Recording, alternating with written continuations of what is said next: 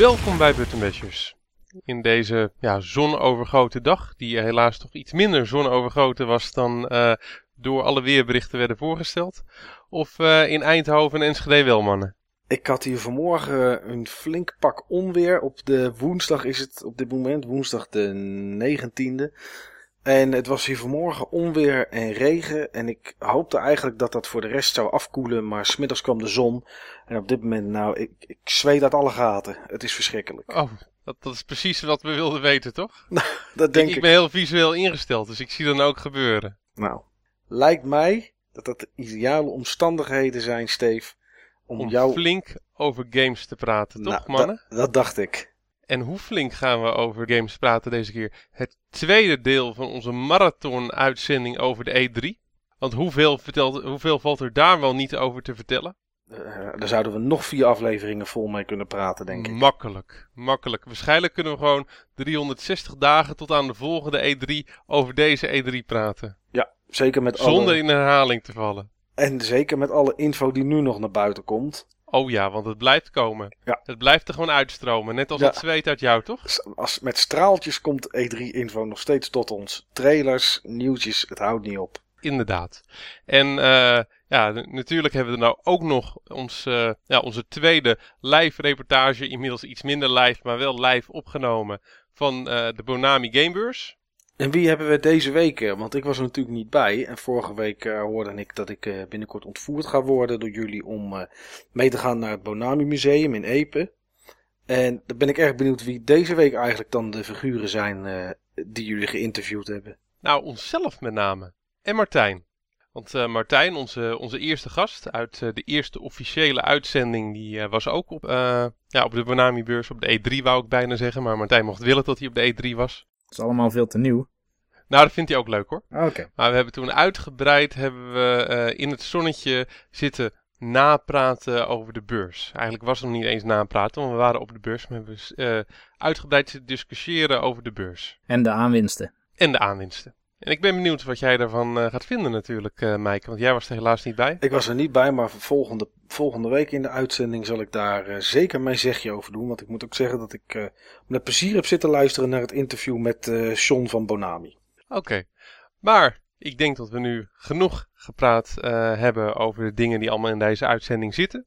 Wat er ook in deze uitzending zit is natuurlijk de Game Talk. En laten we daar vooral mee beginnen, mannen.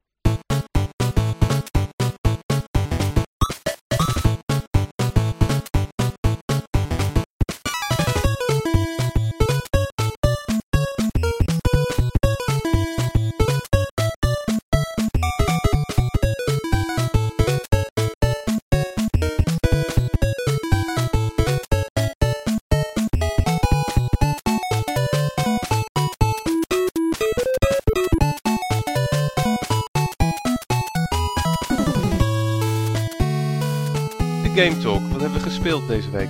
Wat heb jij gespeeld deze week, Niels? Ik heb eh, ten eerste Virtuous Last Reward uitgespeeld. Oh, hoeveel, hoeveelste keer was dit eh, dat, je hem, eh, dat je hem rondspeelde? Eens denken, ik denk dat ik hem 12 keer heb uitgespeeld. Oké, dat is fors. Ja, je moet hem vaker uitspelen dan eh 9 hours, 9 persons, 9 doors. Ja. En vorige keer toen zei ik van nou, ik denk dat er nog ongeveer 2 uur gameplay in zit. Maar ik denk dat er nog in de praktijk iets van 8 uur gameplay in zat.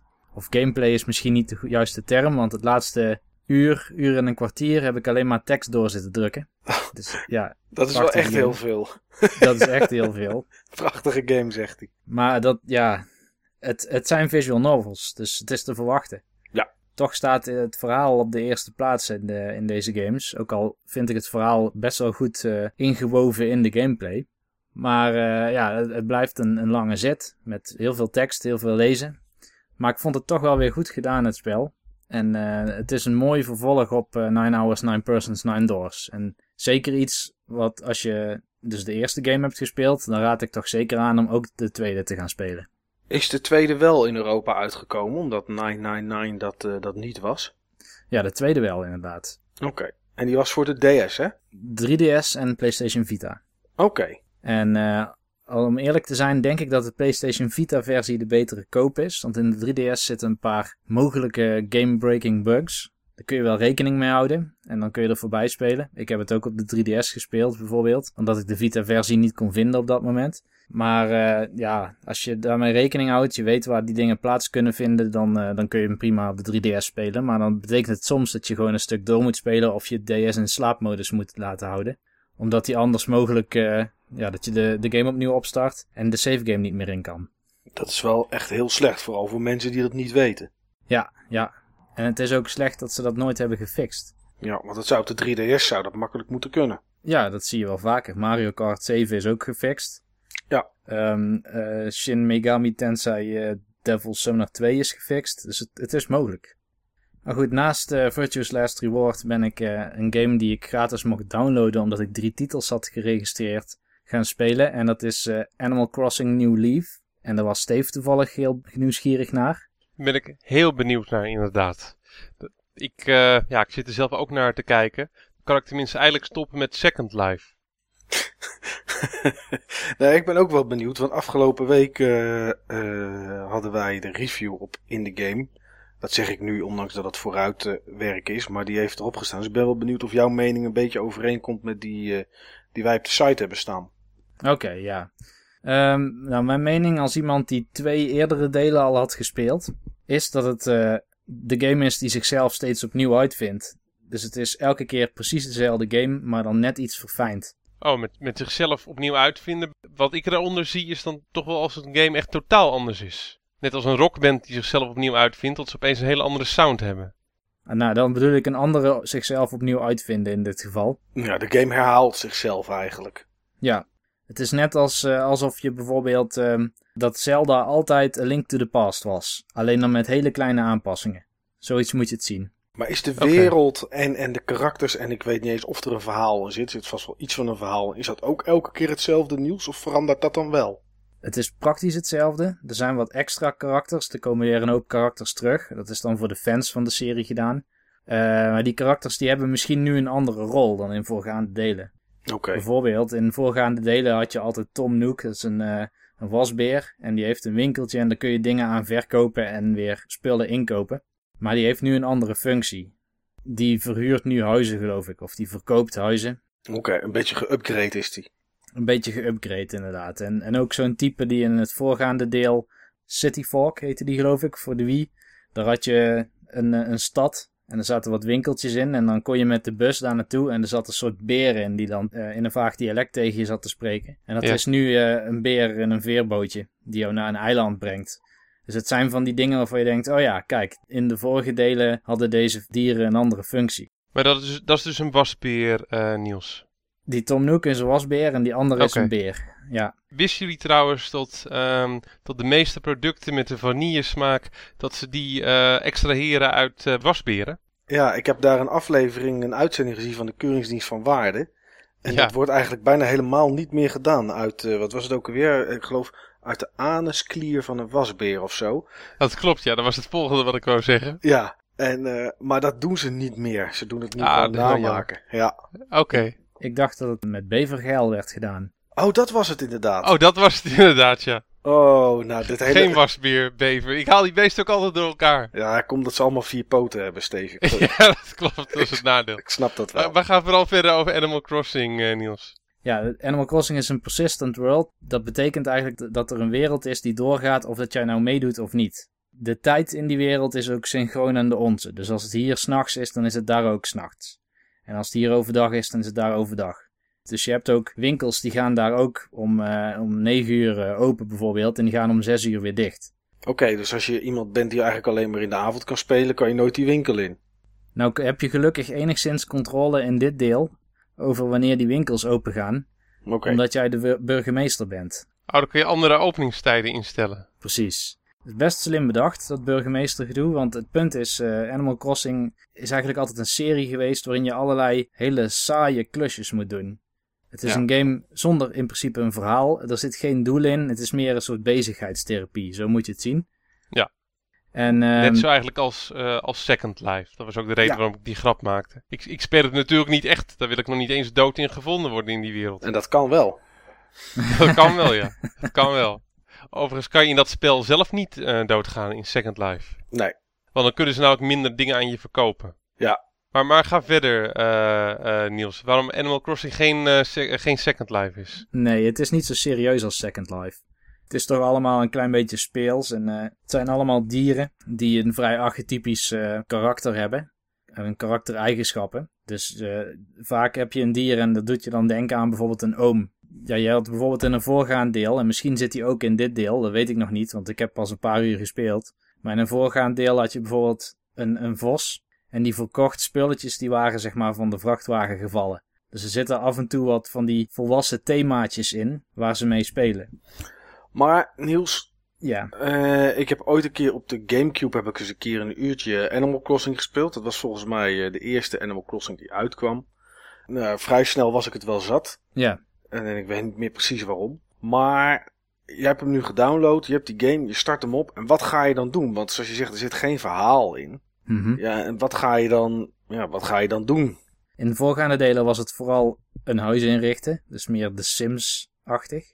Je hypotheek afbetalen. Ja. Want je hebt de hypotheek op je huis, dus die moet je elke keer betalen. Oké. En omdat je hier burgemeester bent, kun je nu ook je dorp min of meer inrichten. Dus een van de grote nadelen van voorgaande delen was uh, dat je bijvoorbeeld kon doneren, geld doneren aan een fonds. En er werd dan bijvoorbeeld een brug of een fontein of zo van gebouwd. Maar je was soms wel wekenlang en soms maandenlang aan het doneren zonder dat je wist waarvoor je het deed en wat er voor terugkwam.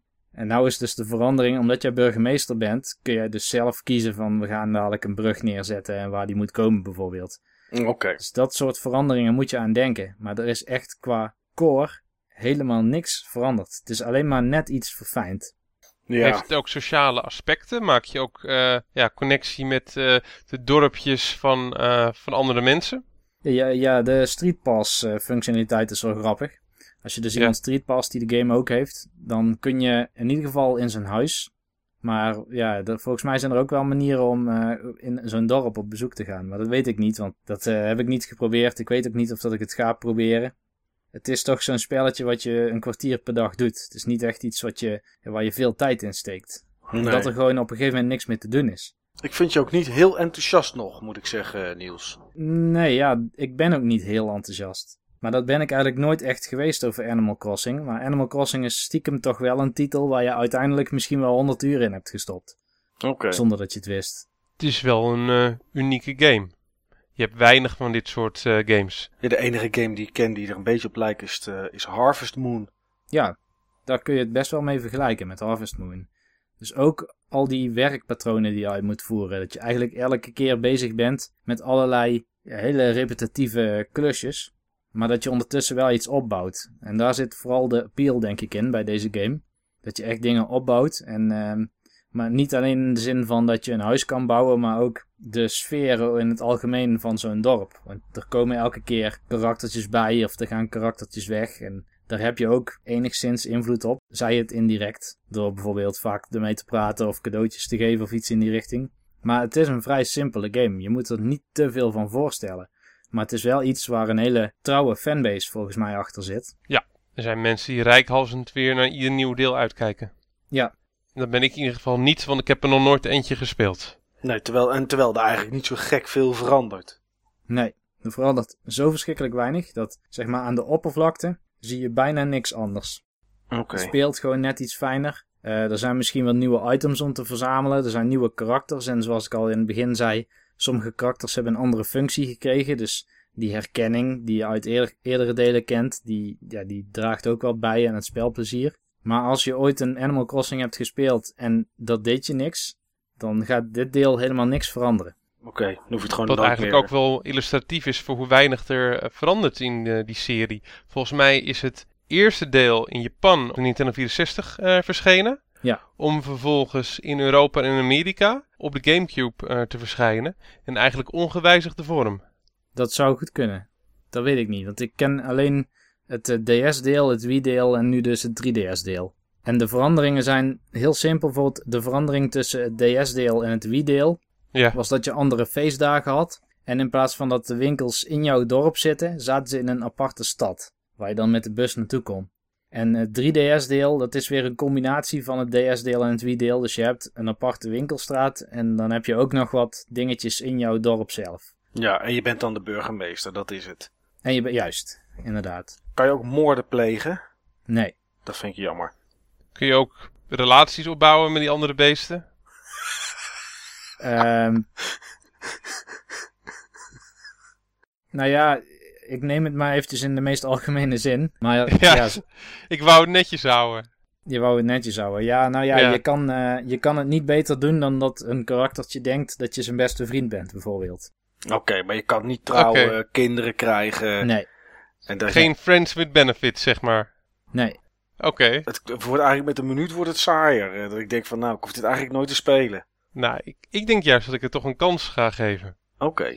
Ik denk bij Steve is het hit or miss. Maar dan echt, het is of helemaal te gek of helemaal niks. Nou, we gaan het zien. We gaan En het voor achterkomen. mij, eh, Niels, Voor jou is het mis. Ja. het enige wat er nog aan ontbreekt is dat het niet van een indie-uitgever of een indie-ontwikkelaar is. ja, en op de Wii U. Ja. En op de Wii U, ja. nou, dat komt er vast wel. Nee, maar joh, ik ga hem, eh, ik ga hem gewoon nemen. En ik hoef er net als, eh, als Niels hoef ik er niks voor te betalen. Ik heb net als, eh, als Niels heb ik drie games gekocht de laatste maanden. Die vallen onder een specifiek lijstje van games. Als je drie van koopt, mag je een vierde game gratis downloaden. En ik heb heel lang zitten twijfelen of ik nou eh, Monster Hunter ging downloaden op de 3DS of Animal Crossing. En eh, ja, Mo- Monster Hunter is eigenlijk voor me afgevallen omdat het niet de mooiste versie is van die game. Dat, dat is de Wii U versie. Misschien wil ik die nog een keer ga, eh, gaan spelen. Maar dat is niet de belangrijkste reden. Eh, de belangrijkste reden, dat is een reden die, ja, waar, waar Niels eigenlijk mee kwam. Een idee waar Niels mee kwam toen ik hem eerder deze week hierover over sprak. hij zei van, joh, deze game die speel je eigenlijk maar ja, een, half, een eh, kwartiertje, 20 minuten per dag, max. En die is gewoon hartstikke handig om dan digitaal te hebben op je eh 3DS, zodat, het, zodat die er altijd op staat. Dus dat je niet continu dat kaartje erin hoeft eh, te doen. En daar was ik het gewoon direct helemaal mee eens. Dus dit wordt mijn eh, eerste digitale retail game op de 3DS. Oké. Ja, ik doe maar wat. Als ik bijvoorbeeld, ehm, stel ik ga naar Hilversum, ik werk wel eens ooit in Hilversum, dan zit ik praktisch een uur in de trein, maar dan zou ik dus kaartjes moeten wisselen als ik Animal Crossing op een kaart zou hebben. Omdat ik Animal Crossing maximaal 20 minuten kan spelen, tot het spel mij gewoon die dag weinig meer biedt. Ja, Animal Crossing is dus eigenlijk een perfecte kandidaat om digitaal te hebben. En dat terwijl ik Monster Hunter duidelijk de betere game vind van de twee. Nou, dat verbaast mij niks. Nou, misschien komt hij er ook nog een keer. In Monster Hunter, de nieuwe, heb ik alweer meer dan 100 uur inmiddels zitten. De, de Wii U versie dan. De Wii U versie, denk ja. ik, toch? Ja. Nou, in ieder geval bedankt voor, eh, voor de tip, eh, Niels. Heb jij verder nog iets eh, gespeeld om uit te lichten? Nee. Oké.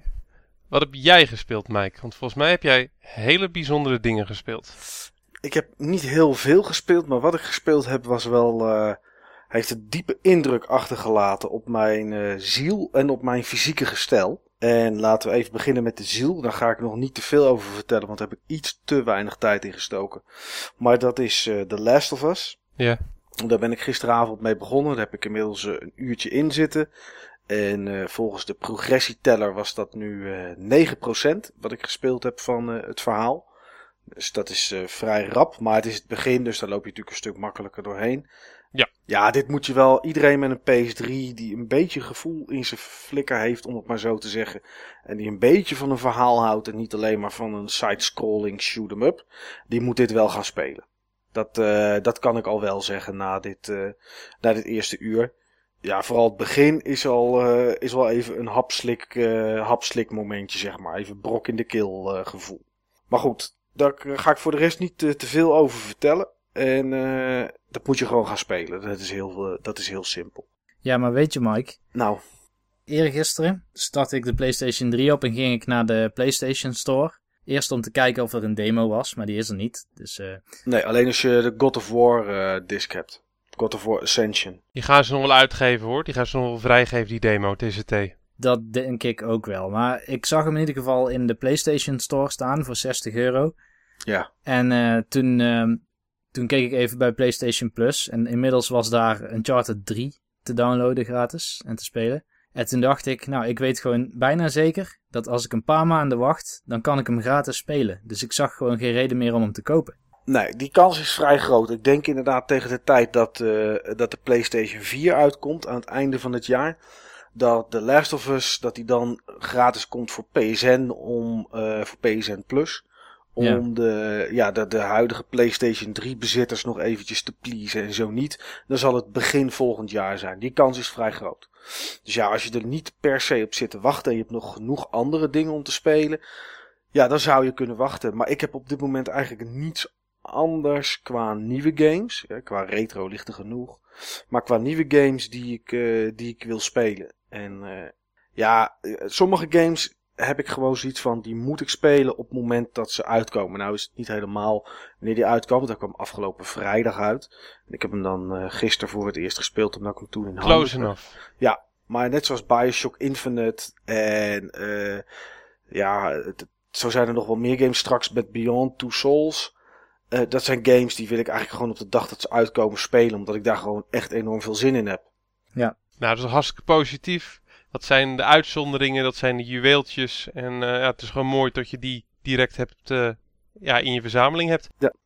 Um, iets anders wat ik heb gespeeld is een apparaat waarvan ik bijna mijn hand in het vuur durf te steken. En dat is in dit geval letterlijk dat jullie het nog nooit gespeeld hebben. Ja. En misschien ook niet van het bestaan afweten. En dat is de ja. Pain Station. Dus niet de PlayStation, maar de Pain Station. Oh, maar die ken ik wel. Kijk, Niels kent hem. Ken jij hem, Steve?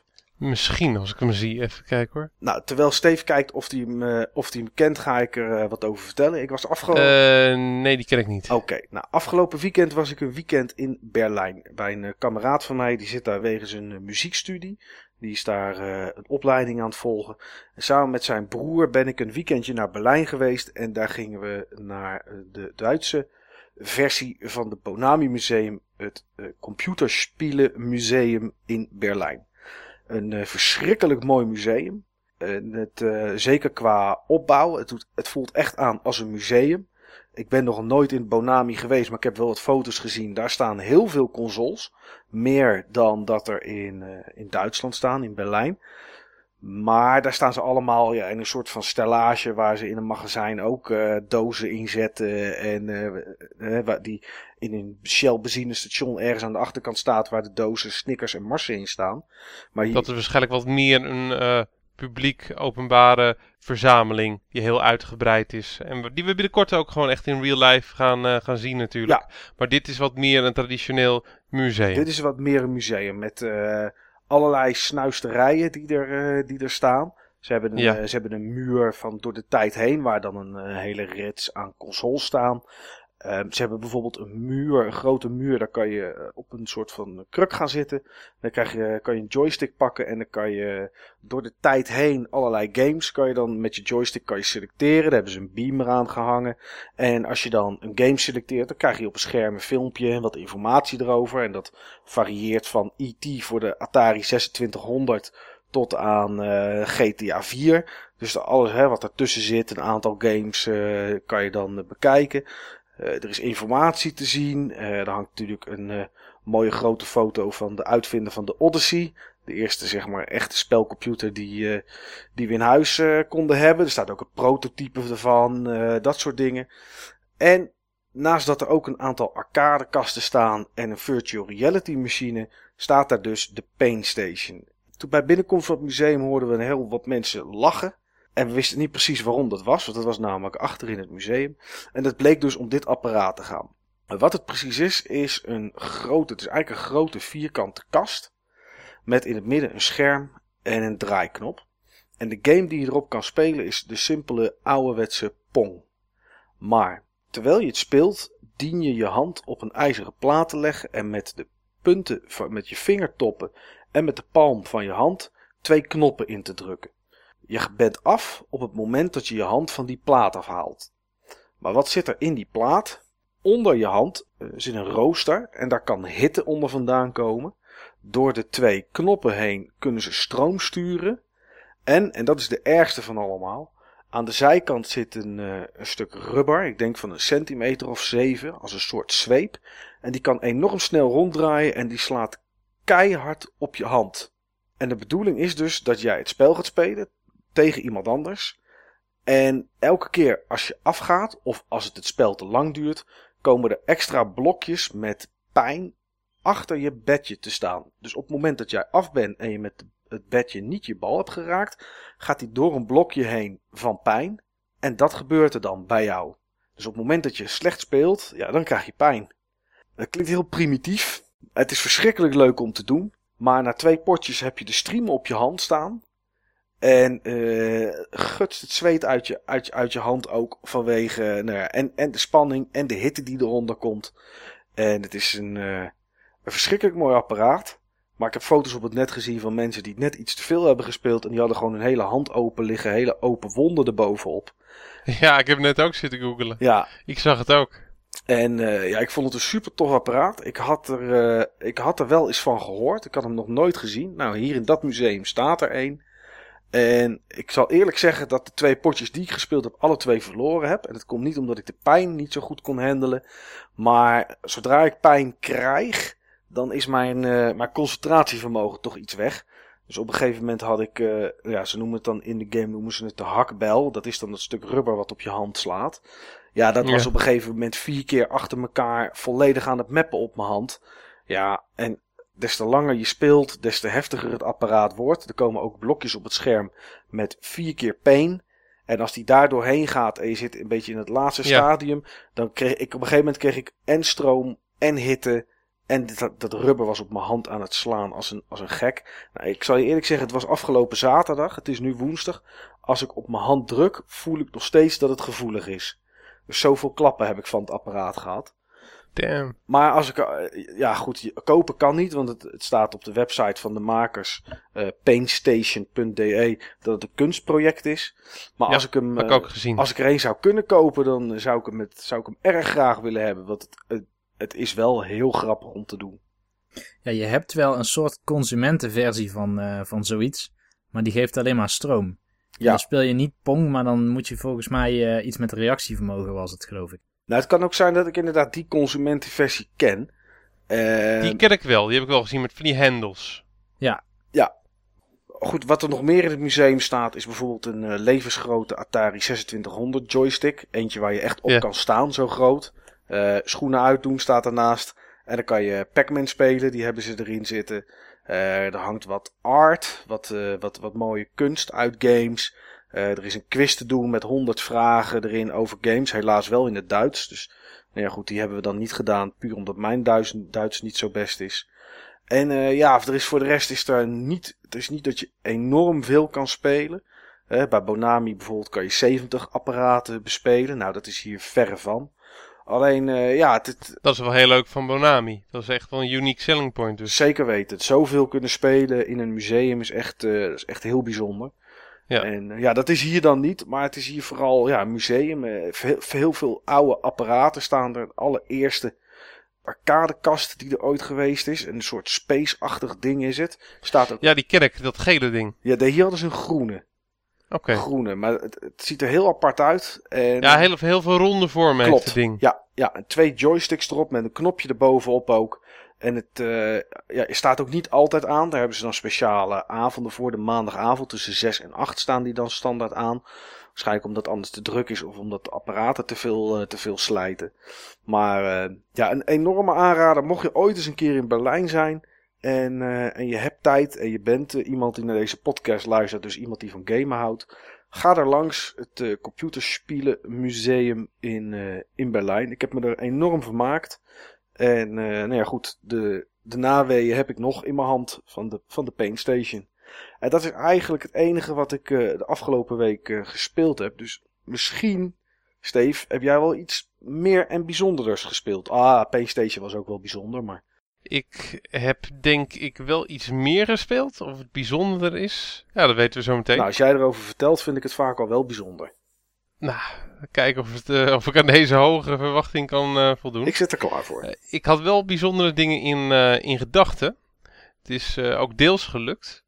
Ehm, ik had vorig weekend gereserveerd voor twee experimenten. Ehm, ik heb natuurlijk een Wii, zoals de meeste mensen wel een Wii hebben. Ja. Maar ik doe eigenlijk heel weinig met mijn Wii, omdat, eh, ja, hoe, zal ik het, hoe zal ik het eufemistisch zeggen? Omdat uh, de graphics kut zijn. Ja. En uh, of ze op mijn 50 inch uh, plasma er niet bepaald beter van worden. Nee. Um, op mijn oude tv, dat was een 40 inch LCD, dat, toen zag het er allemaal nog best fatsoenlijk uit. Alleen ik heb nu sinds een jaar of twee heb ik een 50 inch plasma en mijn Wii heb ik ook niet rechtstreeks daarop aangesloten. Maar hij gaat eerst naar mijn versterker in uh, Component. Ja. En dan gaat hij vanuit mijn versterker in HDMI dan naar mijn uh, tv toe. En dat voegt ook niet bepaald uh, een extra kwaliteitsboost toe. het zorgt ook voor wat extra lek, het zorgt, het zorgt voor wat extra vertraging. En naar mijn gevoel worden daar nog wat extra fuzzy door. En het is al fuzzy genoeg. Dus eigenlijk is er gewoon überhaupt geen reden om je Wii aan te zetten. Want ja, de laatste tijd zijn er ook nog niet echt bijzondere nee. games uitgekomen. Nee, maar ik heb nog wel een aantal games uh, liggen die ik graag zou willen spelen. Die ik eigenlijk nog niet echt uh, gespeeld heb. Mario Galaxy 2 en uh, Skyward Sword. Metroid Other M. Nou, laat die maar zitten. Ik wil hem toch wel even op zijn minst geprobeerd hebben. Okay. Ik heb er ook van iemand hele goede dingen over gehoord. Dus ik wil hem wel even nog een keer een kans geven. Maar ik had het briljante idee om, om die Wii games in goede kwaliteit te gaan spelen. Want dat kan. Oké. Okay. Op het moment dat je ze gaat spelen via een uh, emulator voor PC. De Dolphin. Oh, die, uh, ja. Een, ja. Een emulator die vernoemd is naar de projectnaam van de Gamecube uit mijn hoofd. Uh, de Gamecube die heette als codenaam Dolphin. Toen ze hem nog aan het ontwikkelen waren. Het is van oudsher is het ook een Gamecube emulator. En tot de Gamecube en de Wii zo enorm gelijk zijn qua infrastructuur. Konden ze dat vrij eenvoudig doortrekken. En uh, die heb ik geïnstalleerd op, uh, op de PC. Daar heb je dan wel wat extra hardware voor nodig. Je moet in ieder geval een Bluetooth connectie kunnen maken met uh, de controller. Anders dan heb je natuurlijk niet ja, je, je cursor. En ja, die heb je wel nodig. En heb je, anders heb je natuurlijk niet je controller. Nee. En ja, die heb je natuurlijk voor de meeste games wel, wel nodig. En om die controller ook nog eens een keer te gebruiken om de cursor mee aan te sturen via uh, infrarood, heb je ook een uh, sensorbar uh, nodig. En dan kun je gewoon een wireless sensorbar neerzetten. Um, dus ik heb eventjes een wireless sensorbar gekocht bij een gamewinkel hier in, in Gouda. En een Bluetooth adaptertje had ik niet meer. Nou, dus voor 25 euro eventjes een hardware geïnvesteerd. En ik moet zeggen, dat was het deels waard. Want ik heb het aan de praat gekregen met wat, uh, met wat kloten. En het zag er nou ook echt heel mooi uit. Echt, het zag er subliem uit. Um, ik kon het spelen in, uh, in 1080p. En ik heb uh, anti-aliasing aangezet. En uh, anisotropic filtering. En ik heb nog eventjes zitten spelen met texture filtering. En als je al die dingen aanzet, ziet het gewoon echt goed uit. Ziet het dan, want je hebt natuurlijk twee weken geleden even Super Mario Bros. op de Wii U gespeeld. In, uh, bij, bij, een, bij de Mediamarkt, zeg ik even uit mijn hoofd. Ja. Ziet Super Mario Bros. als je die gespeeld hebt op de Wii dan eigenlijk hetzelfde eruit als op de Wii U? Nieuw Super Mario Bros. komt daar dichtbij in de buurt. Oké. Okay. Wat, je, wat je mist is... Uh, ja, natuurlijk grafische effecten, dingen met lighting en zo, wat niet ingebouwd is. Dat, uh, nee, wat niet in, dat, de Wii, in de Wii-versie zit, maar wel in de Wii U-versie ja, natuurlijk. Ja, maar qua scherpte van zowel de lijnen als de textures komt het uh, gewoon echt heel dicht in de buurt. Of is het gewoon dat? En in sommige opzichten is het zelfs nog scherper. Want uh, de Wii U versie is uh, 720p en geen 1080p. En nu wordt er gewoon echt in 1080p gerenderd en in 1080p uitgevoerd. Dus het is gewoon heel scherp. Ja, alleen de tekst is minder scherp. Ja, alleen de tekst is minder scherp, want de tekst is niet uh, renderbaar door, uh, door die emulator. Heb je er een sterke PC voor nodig om dat te doen, Ja, Steve? dat is dus direct het nadeel. En dat is waarom het zeg maar slechts een uh, gedeeltelijk ja, gelukkige investering was. Um, met de kwaliteit die ik zoek, en dat is op zijn minst gewoon 1080p. Omdat, want als ik zeg maar mijn mijn monitor niet native aan kan sturen in zijn native resolutie, ja, dan ziet er nog steeds fuzzy uit. Ja. Um, dan heb je toch wel een sterkere PC nodig dan dat ik heb. Ik heb een eerste, uh, eerste generatie i7, een i7 920. Dus echt, echt de eerste i7's uh, toen ze net uh, uitkwamen. Ja. Dat ding is inmiddels ongeveer zo'n vijf jaar oud. En ja, die, die trekt het gewoon niet. Of ik zou moeten gaan overklokken. Ik heb mijn processor heb nog steeds op de oorspronkelijke kloksnelheid staan van 2,8 uh, ja, gigahertz. En op het moment dat ik dat zou overklokken naar bijvoorbeeld 4 gigahertz met wat goede koeling, denk ik dat hij al een heel stuk beter zou draaien. Maar uh, ja, dat is uh, op dit moment nog niet het geval. Hij haalt hele slechte framerates. En op het moment dat ik wat terugschakel met wat effecten, dan gaat het allemaal wel. Maar hij haalt er nog steeds niet de framerates waarop, waarop die gemaakt is. En uh, met name op het moment van dat je een betere emulatie van het geluid ook nog aanzet. Waarbij je een speciale plugin nodig hebt. Die heb je voor veel games nodig, omdat je anders helemaal geen geluid hebt. Dan gaat de performance op mijn PC gewoon echt gigantisch terug. En dan heb ik zoiets van, joh, ik probeer nog wel een keer als ik een keer een andere PC heb. Okay. Dan is het zeker de moeite waard. En voor de mensen die een recente PC hebben, zeker doen. Maar het, het vervelende van die emulator is, hij is grotendeels echt afhankelijk van kloksnelheid. En kan minder met veel cores. Oké. Okay. De architectuur verschilt gewoon heel erg uh, tussen de Gamecube en de Wii en een PC. Ik moet wel zeggen, de manier hoe die emulator werkte. Ik heb nergens grafische fouten gezien. Totaal geen glitches, totaal geen, uh, geen bugs. Over de emulator zelf los van de performance, was ik echt heel erg te spreken. Kan je de emulator ook gebruiken met een uh, Xbox controller? Dat ze het, het Wii-aanwijsgedeelte, dat ze dat omzetten naar, uh, een, naar gewoon links-rechts. Met, uh, ja. Oké. Okay. Ja, ik weet alleen maar niet of het goed werkt. Je kan overigens de controls kan je qua dead zones, qua precisie, qua snelheid, kan je echt heel erg uh, configureren. Daar heb je heel veel controle over. Dus best wel ingewikkeld. Maar je kan, denk ik, op die manier ook wel veel games redelijk laten spelen via een controller. Oké, okay, dat is wel interessant. Ik ken iemand die Skyward Sword met een Xbox controller heeft gespeeld, bijvoorbeeld. Nou, dat is precies waaraan ik denk. Ik moet Skyward Sword nog steeds een keer uh, spelen. En uh, ik heb hier al een filmpje gevonden. Duurt, uh, duurt 10 minuten op YouTube. Hoe je een Xbox 360 controller kan laten werken met, uh, met de Dolphin uh, emulator. Dus ik ga dat eens een, uh, een keer bekijken.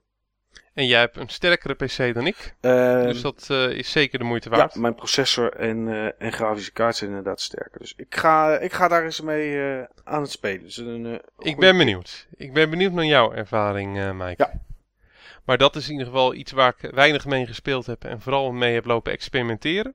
Dat was dan vrijdagavond. Ik had voor zondag had ik ook een experimentendag in gedachten. Um, ik wil tussen nu en het eind van het jaar of begin volgend jaar, in ieder geval wanneer ik of een PlayStation 4 of een Xbox One in huis haal, wil ik eigenlijk al mijn uh, PlayStation 3 must-haves uitgespeeld hebben. Want op de plaats van mijn PlayStation 3 uh, komt die nieuwe console. Ik heb niet zoveel plek in dat uh, meubel. En ik wou zondag wou ik heel veel verschillende PlayStation 3 spellen gaan spelen om voor mezelf een beetje een lijstje te maken met deze ga ik beginnen, die ga ik wat later spelen. Puur gewoon om alvast een beeld uh, te krijgen bij een flink aantal games. Maar eigenlijk ben ik bij de eerste game die ik erin heb gedaan blijven hangen. Nou, dat moet toch wel een hele goede game zijn. Niet dat ik hem zo zeer heel erg goed vond, oh. maar wel heel erg boeiend. Heavenly Sword. Ja. Ja, ik ben juist begonnen met een wat oudere uh, PlayStation 3 game. Dan had ik, had ik zoiets van, joh, daar uh, de andere niet zo tegen. En ik moet zeggen, ik vind het zeker geen uh, briljante game. Maar het is wel een game met een aantal briljante elementen. Of op zijn minst gewoon hele goede uh, elementen. Uh, dat is in ieder geval niet het fighting systeem. Het fighting systeem, om dat heel kort samen te vatten, dat is gewoon de titel van deze podcast. Dat is ja, button bashing. Uh, ik vind het niet echt een heel erg verfijnd uh, fighting uh, systeem. Je hebt verschillende stances waaruit je kan kiezen. Je hebt zeg maar een stance waarbij je heel, hele zwakke aanvallen hebt, maar waarbij ze heel veel bereik hebben. Een normale stance en een sterke stance met langzame aanvallen. En als je in een bepaalde stance zit, kun je gewoon eigenlijk doelloos op knoppen drukken en ja, maak je je vijanden toch wel uh, af. Op het moment dat je stance juist hebt uh, gekozen voor dat uh, type vijand. Um, dat vond ik een beetje tegenvallen. wat ik absoluut niet tegen vond vallen, dat was de enorme production values van, van de game. Want die zijn echt heel erg goed. Um, bij zo'n beetje alles wat je doet en alles wat je goed doet, kan je, kan je art unlocken in de game. En die art ziet er ook echt heel mooi en verzorgd uit. ook filmpjes, making-ofs, filmpjes met animaties die zich afspelen voordat het verhaal begint. Wat je kan unlocken is gewoon echt heel erg leuk. En het ziet er ook echt puik uit. Oké, want de game is eigenlijk gewoon een fighter, toch? Het is eigenlijk een, een, een hack-and-slash game, toch? Heavenly Sword. Het is een uh, God of War, uh, God of War-achtige hack-and-slash game. Ja, oké. Maar hij haalt niet het uh, gevoel, niet het niveau van God of War of Bayonetta of Devil May Cry. Maar hij is, wel, hij is gewoon leuk en vermakelijk. Wat in ieder geval absoluut niet leuk en vermakelijk is, maar gewoon echt heel goed. Dat zijn de cutscenes. Um, en die zijn met name goed vanwege de voice acting. De voice acting vind ik echt subliem. Er zitten ook karakters in, met name het, uh, ja, de vijanden. Die zijn ook echt prachtig neergezet. Dat heeft ook een speciale reden. Dat is verzorgd door Andy Serkis. Uh, dat is een naam die sommige mensen direct zullen kennen, andere mensen niet. Ja, ik herken hem uh, Op het moment dat ik zeg wie Andy Serkis ja, speelt, want Andy Serkis is een acteur, kent iedereen hem. Andy Serkis is de man achter Gollum. Oh, ik denk je gaat een, ander, een ander karakter van hem noemen of King Kong of Planet of the Apes. Maar Andy Serkis is een, eigenlijk een specialist in, uh, in motion capturing en het neerzetten van digitale karakters. En dat doet hij hier ook heel erg goed. En behalve dat hij dat doet met ja, de grote bad guy, heeft hij ook het hele team aan motion capture acteurs en voice actors heeft hij dat gecoacht. Heeft hij een deel van het verhaal geschreven. Heeft hij bepaalde dialogen aangepast. De dingen die hij aangeraakt heeft, dan voel je dat gewoon ook van dat het beter is dan de dingen die hij niet aangeraakt heeft. En dat is wel heel erg cool. Alle bazen, geweldige karakters. Uh, er zitten een paar scènes in waarbij je ook interactie hebt tussen die, uh, ja, tussen die bazen. Het is een, uh, ja, een, eigenlijk een Evil King en zijn generaals. En die zijn echt briljant. Daar leg je ook echt helemaal dubbel om. Er zitten echt een paar prachtige karakters tussen. Oké. Dat is in ieder geval heel erg leuk. En dat alleen al is de moeite waard om de game te spelen. Je kan hem voor een habbekrats kopen en je bent er ook zo doorheen. Het is geen lange game. Gameplay is ook gewoon vermakelijk hoor. Het is, er is niks mis mee, maar er is ook niks uitzonderlijks aan. Heb je hem al uitgespeeld, Steve? Nee, ik ben wel halverwege. Oké. Nog, een, nog één avondje tegenaan en hij is gewoon uitgespeeld. Het gaat echt heel hard. Uh, wat in ieder geval wel uitzonderlijk uh, is, en uh, wat ik iets te uitzonderlijk vond, dat zijn de motion controls die ze in de ja, PlayStation 3 controller hebben gepropt. in eerste instantie was er natuurlijk ook een selling feature van de, van de PlayStation 3. Toen heette die niet de DualShock 3, maar toen heette die nog de Six Axis. Ja. Dan legden ze echt de nadruk op die, uh, die zes assen van, van beweging. Deze game is gemaakt als een soort van paradepaardje rond die Six Axis. En ze hebben verschillende taken en mogelijkheden en controls hebben ze toegekend aan bewegingen op, um, op de Six Axis of DualShock 3. Nou, doe vooral het eerste wat, wat ik ook gedaan heb. Zet die troep uit. Want ik heb echt nog nooit zulke slechte uh, motion controls uh, gezien op een PlayStation 3 uh, eh, game. En je ziet het ook niet zo vaak. Maar het werkt voor geen fuck. Je hebt motion controls waarbij je een, een tweede karakter, een, een, jonge, ja, een jonge meid van een soort met van sidekick is van, van de hoofdpersoon. Ik had in mijn hoofd van dat ze een soort met van lesbische relatie hebben, net zoals Zina en, en haar sidekick. Maar het blijkt gewoon de zusje te zijn, een beetje de, vreemd in de hoofd zijnde zusje. Maar uh, ja, zover mijn dromen en zover mijn fantasie. Het maakt het wel smeuig als je die game zit te spelen. Eigenlijk wel, ja. Eigenlijk en nu ben ik toch wel benieuwd naar Heavenly Sword. Het kan allemaal, het kan allemaal. Maar je bestuurt zeg maar haar uh, als boogschutter. Zij is met een uh, soort met van hele uh, geavanceerde kruisboog is zij bezig om, om mensen te snipen. En wat je, wat je doet op het moment dat je zeg maar een pijl afvuurt, kun je die pijl een after effect geven. Dan hou je je knop ingedrukt en dan kun je hem vervolgens bijsturen. En bijsturen is echt tot in de extreme. Je kan hem niet zeg maar een metertje opzij sturen met bijsturen. Maar stel, je, je, schiet hem echt helemaal links. Dan kan je hem vervolgens met het bijsturen 180 graden de andere kant uit, uh, uitsturen. Zo lekker extreem. Dat gaat lekker extreem, inderdaad, ja. Maar uh, dat werkt op het moment dat je de motion controls uitzet en het gewoon met de stick doet, werkt het prima. Dan doe je dat met de motion controls. Nou, succes jongen, echt. Hetzelfde geldt voor alle andere uh, motion controls. Um, nee, het zijn drie sets aan motion controls. En uh, ze hebben alle drie een afzonderlijke off-switch. In ieder geval in patch 1.1. Het kan zijn dat ze standaard allemaal aanstonden dat het geen off-switch was. En dat ze in patch 1.1 uh, dat hebben bijverzonnen. Net zoals dat ze dat hebben verzonnen bij, bij Lair, een andere game uit de vroege PlayStation 3 tijd. Die heel erg leunde op motion controls. Ja, ik kan me goed voorstellen dat uh, softwaremakers dit snel hebben afgeleerd op de PlayStation 3 naar dit soort uh, juweeltjes. Maar zet het uit. Je houdt gewoon een leuke, zijt vrij standaard ja, hack-and-slash button masher-achtige game over. Met wie je zeker ook lol gaat hebben. En waarvan je echt van gaat genieten van de cutscenes. En de voice acting. Had jij hem al staan, Steven? Of heb je hem speciaal gekocht omdat hij op je lijstje stond nu? Ik had hem al staan. Oké. Ik, ik had hem ooit gekocht omdat ik eigenlijk alle goede PlayStation 3 exclusives wou hebben die me aanspraken. En daar zat deze gewoon vrij dicht tegenaan. Hij uh, staat als uh, redelijk goed tot ja, enigszins goed te boek.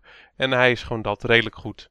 Ontwikkelaar Met, En bepaalde elementen zijn gewoon goed. Ontwikkelaar is Ninja Theory, of niet? Ja, klopt. Oké. Ook bekend van de Devil May Cry reboot van vrij kort geleden en Enslaved. Ja, precies. Oké, okay, nou dan zou je wel iets mogen verwachten. Maar, ja. Uh, nee, ik ben... maar het, is zeker, het is zeker gewoon een, uh, een goede game hoor. Het is alleen geen hele goede game. Oké. Okay. Maar wat jullie de komende tijd van me kunnen verwachten is in ieder geval veel PlayStation 3. Want het ding moet gewoon straks naar boven verhuizen in plaats van in mijn woonkamer. Nou, duidelijk. Je hebt in ieder geval uh, twee mooie experimenten gehad die alle twee niet ja. zijn gegaan zoals je wilde, maar toch een hoop plezier aan het beleefd. Ja, dat klopt. Nou, dat lijkt me voldoende. Ja, mooie samenvatting. En ik denk dat dat direct ook de samenvatting is en de afsluiting van deze Game Talk. Want we hebben nog natuurlijk heel veel E3 nieuws om uh, ja, de revue te laten passeren. Dus start de boel maar op, uh, Niels.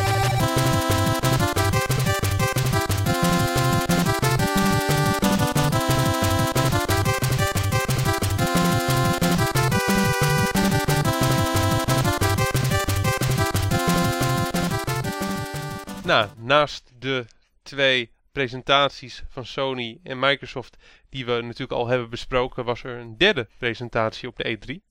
Niet op de E3 zelf, uh, maar uh, via, uh, via streaming media. Via Nintendo Direct, want dat was de presentatie van Nintendo. Want Nintendo heeft ervoor gekozen om dit jaar anders te doen en niet op de E3 te gaan staan. Wat vonden we daarvan, mannen? Wat vond je daarvan, Mike? Ik vond het een lachertje. Er kwam een persbericht, laat ik daarmee beginnen. begin achteraan. Er kwam een persbericht van Nintendo naar buiten.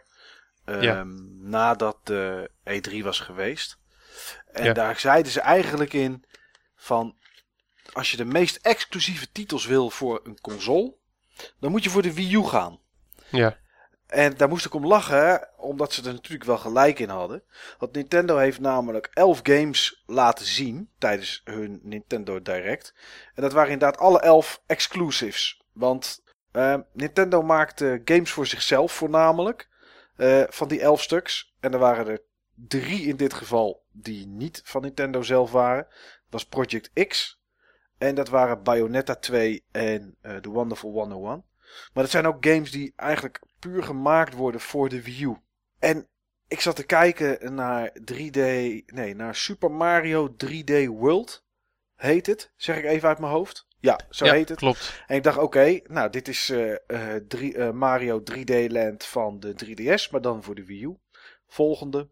Toen kwam Donkey Kong Country Tropical Freeze, wat meer als een soort cocktail klonk dan als een echte game. En ik zag. Hij klinkt wel lekker trouwens. Het klinkt lekker, maar het was eigenlijk gewoon Donkey Kong Country Returns. Maar dan met ja, gewoon iemand met een level editor en ja, een beetje HD graphics. HD graphics. Maar goed, dat zeggen ze ook bijna bij elke game. Hè? Bijna bij elke game die ze laten zien, zeggen ze, zeggen ze weer. Ja, en nu in 1080p. Ja, ik verwacht niet anders, jongen. Maar dat lijkt een beetje de, de, de feature te zijn van alle nieuwe games bij hun. Hier hebben we Donkey Kong Country uh, Tropical Freeze is eigenlijk Returns, maar we hebben wat nieuwe levels gemaakt. En de camera draait nu een beetje mee. En in 1080p. Ja, maar joh, ik snap het wel. Voor hun is het ook een feature. Voor hun is het nieuw. Ja, maar dat is toch geen, voor een gamer toch geen unique selling point. Nee. Waar was een nieuwe Zelda? Waar was een echte nieuwe Mario? We, we zaten gewoon, denk ik, met z'n allen te wachten op een Mario zoals Super Mario Galaxy. Gewoon iets echt nieuws. Wat de potentie van de Wii U en met de gamepad naar voren haalt. Dat was er gewoon niet.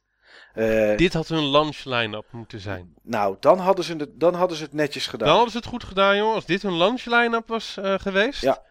waren mensen gewoon gek geworden. Ja, precies. Nou, Ma- eh, Mario Kart 8. Hè, de nieuwe Mario Kart. Nou ja, goed. Karten wordt nooit iets anders dan karten. En het zal wel populair worden, maar ik had zoiets van, ja... nou, ik, Het heb zag er wel echt heel mooi uit, vond ik. ik vond het Veel mooier dan verwacht. dat wel, maar ik was niet overdonderd. Ja, ik was niet overdonderd, maar ik was wel onder de indruk. Voor mij toont Mario Kart 8 aan dat die Wii U, mits je hem goed gebruikt, mits je gewoon echt weet wat je ermee eh, doen moet. En waarschijnlijk gaan heel veel uitgevers daar niet achter komen. Nou, er zijn niet zoveel uitgevers meer. Neem even Square Enix. Deus Ex, Human Revolution Director's Cut. Speciaal gemaakt voor de Wii U. Ja, Zou begin mei uitkomen. 17 mei zeg ik uit mijn hoofd. Is niet uitgekomen. Ik had hem aangevraagd om te reviewen. En wat lees ik gisteren? Komt nu ook voor de Xbox 360 en voor de PS3. En de exclusieve features van eh, de Wii U zijn ook niet exclusief meer.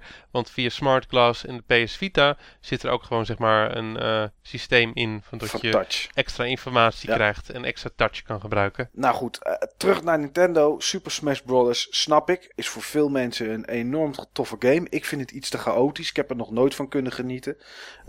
Ik vind er hetzelfde van. ja, leuk. Ik vind Power Stone heb ik altijd leuker gevonden. Het Super Smash Bros. is een soort eh, fanservice eh, game. Ja, dus komt het er. Maar hoeveel het gaat verkopen, ik vraag het me af. Nou ja, goed. eh, Monolith had dan Project X, nieuwe RPG. Daar ben ik dan wel benieuwd naar. Bayonetta. Die staat in mijn top 4 of top 5 lijst. Ja. Dankzij Niels. Niels die attendeerde me erop. Ik had hem gemist. Ik, eh, ik had live zitten kijken naar een Nintendo presentatie. En eh, toen stond er eventjes iemand aan, eh, aan mijn bureau. En toen was ik dus eventjes afgeleid. En toen heb ik echt, daar heb ik echt helemaal niks van gezien. Nee, nou ja, Bayonetta 2 hoeft voor mij niet. niet vind ik niet heel bijzonder.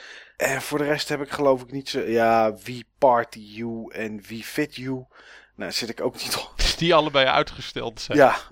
En het is, ik, ik heb nog nooit iemand in 38 minuten zo vaak sorry horen zeggen. En eh, thank you for your patience.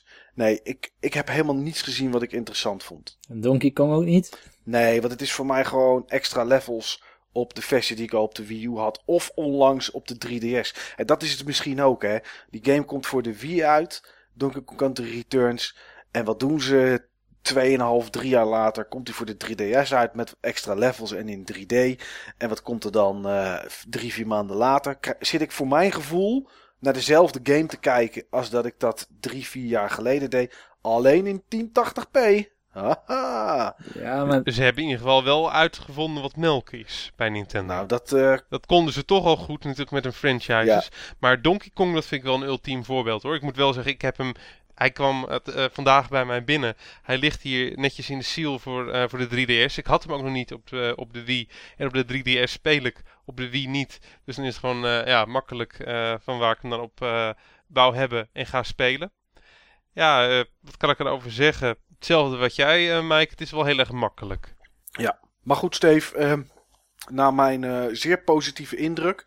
Je, hebt natuurlijk, je Ja. had natuurlijk iemand aan, je, iemand aan je bureau. Maar wat, van wat je voor de rest gezien hebt, wat vond jij ervan? Nou, dat stuk heb ik ingehaald hoor. Niels die attendeerde me er gisteravond op. En ik heb die trailer nog eventjes gezien van, van X. Ja, eigenlijk als ik, als ik eerlijk ben, die, eh, de, manier hoe de presentatie wordt eh, gegeven, vind ik gewoon meelijwekkend.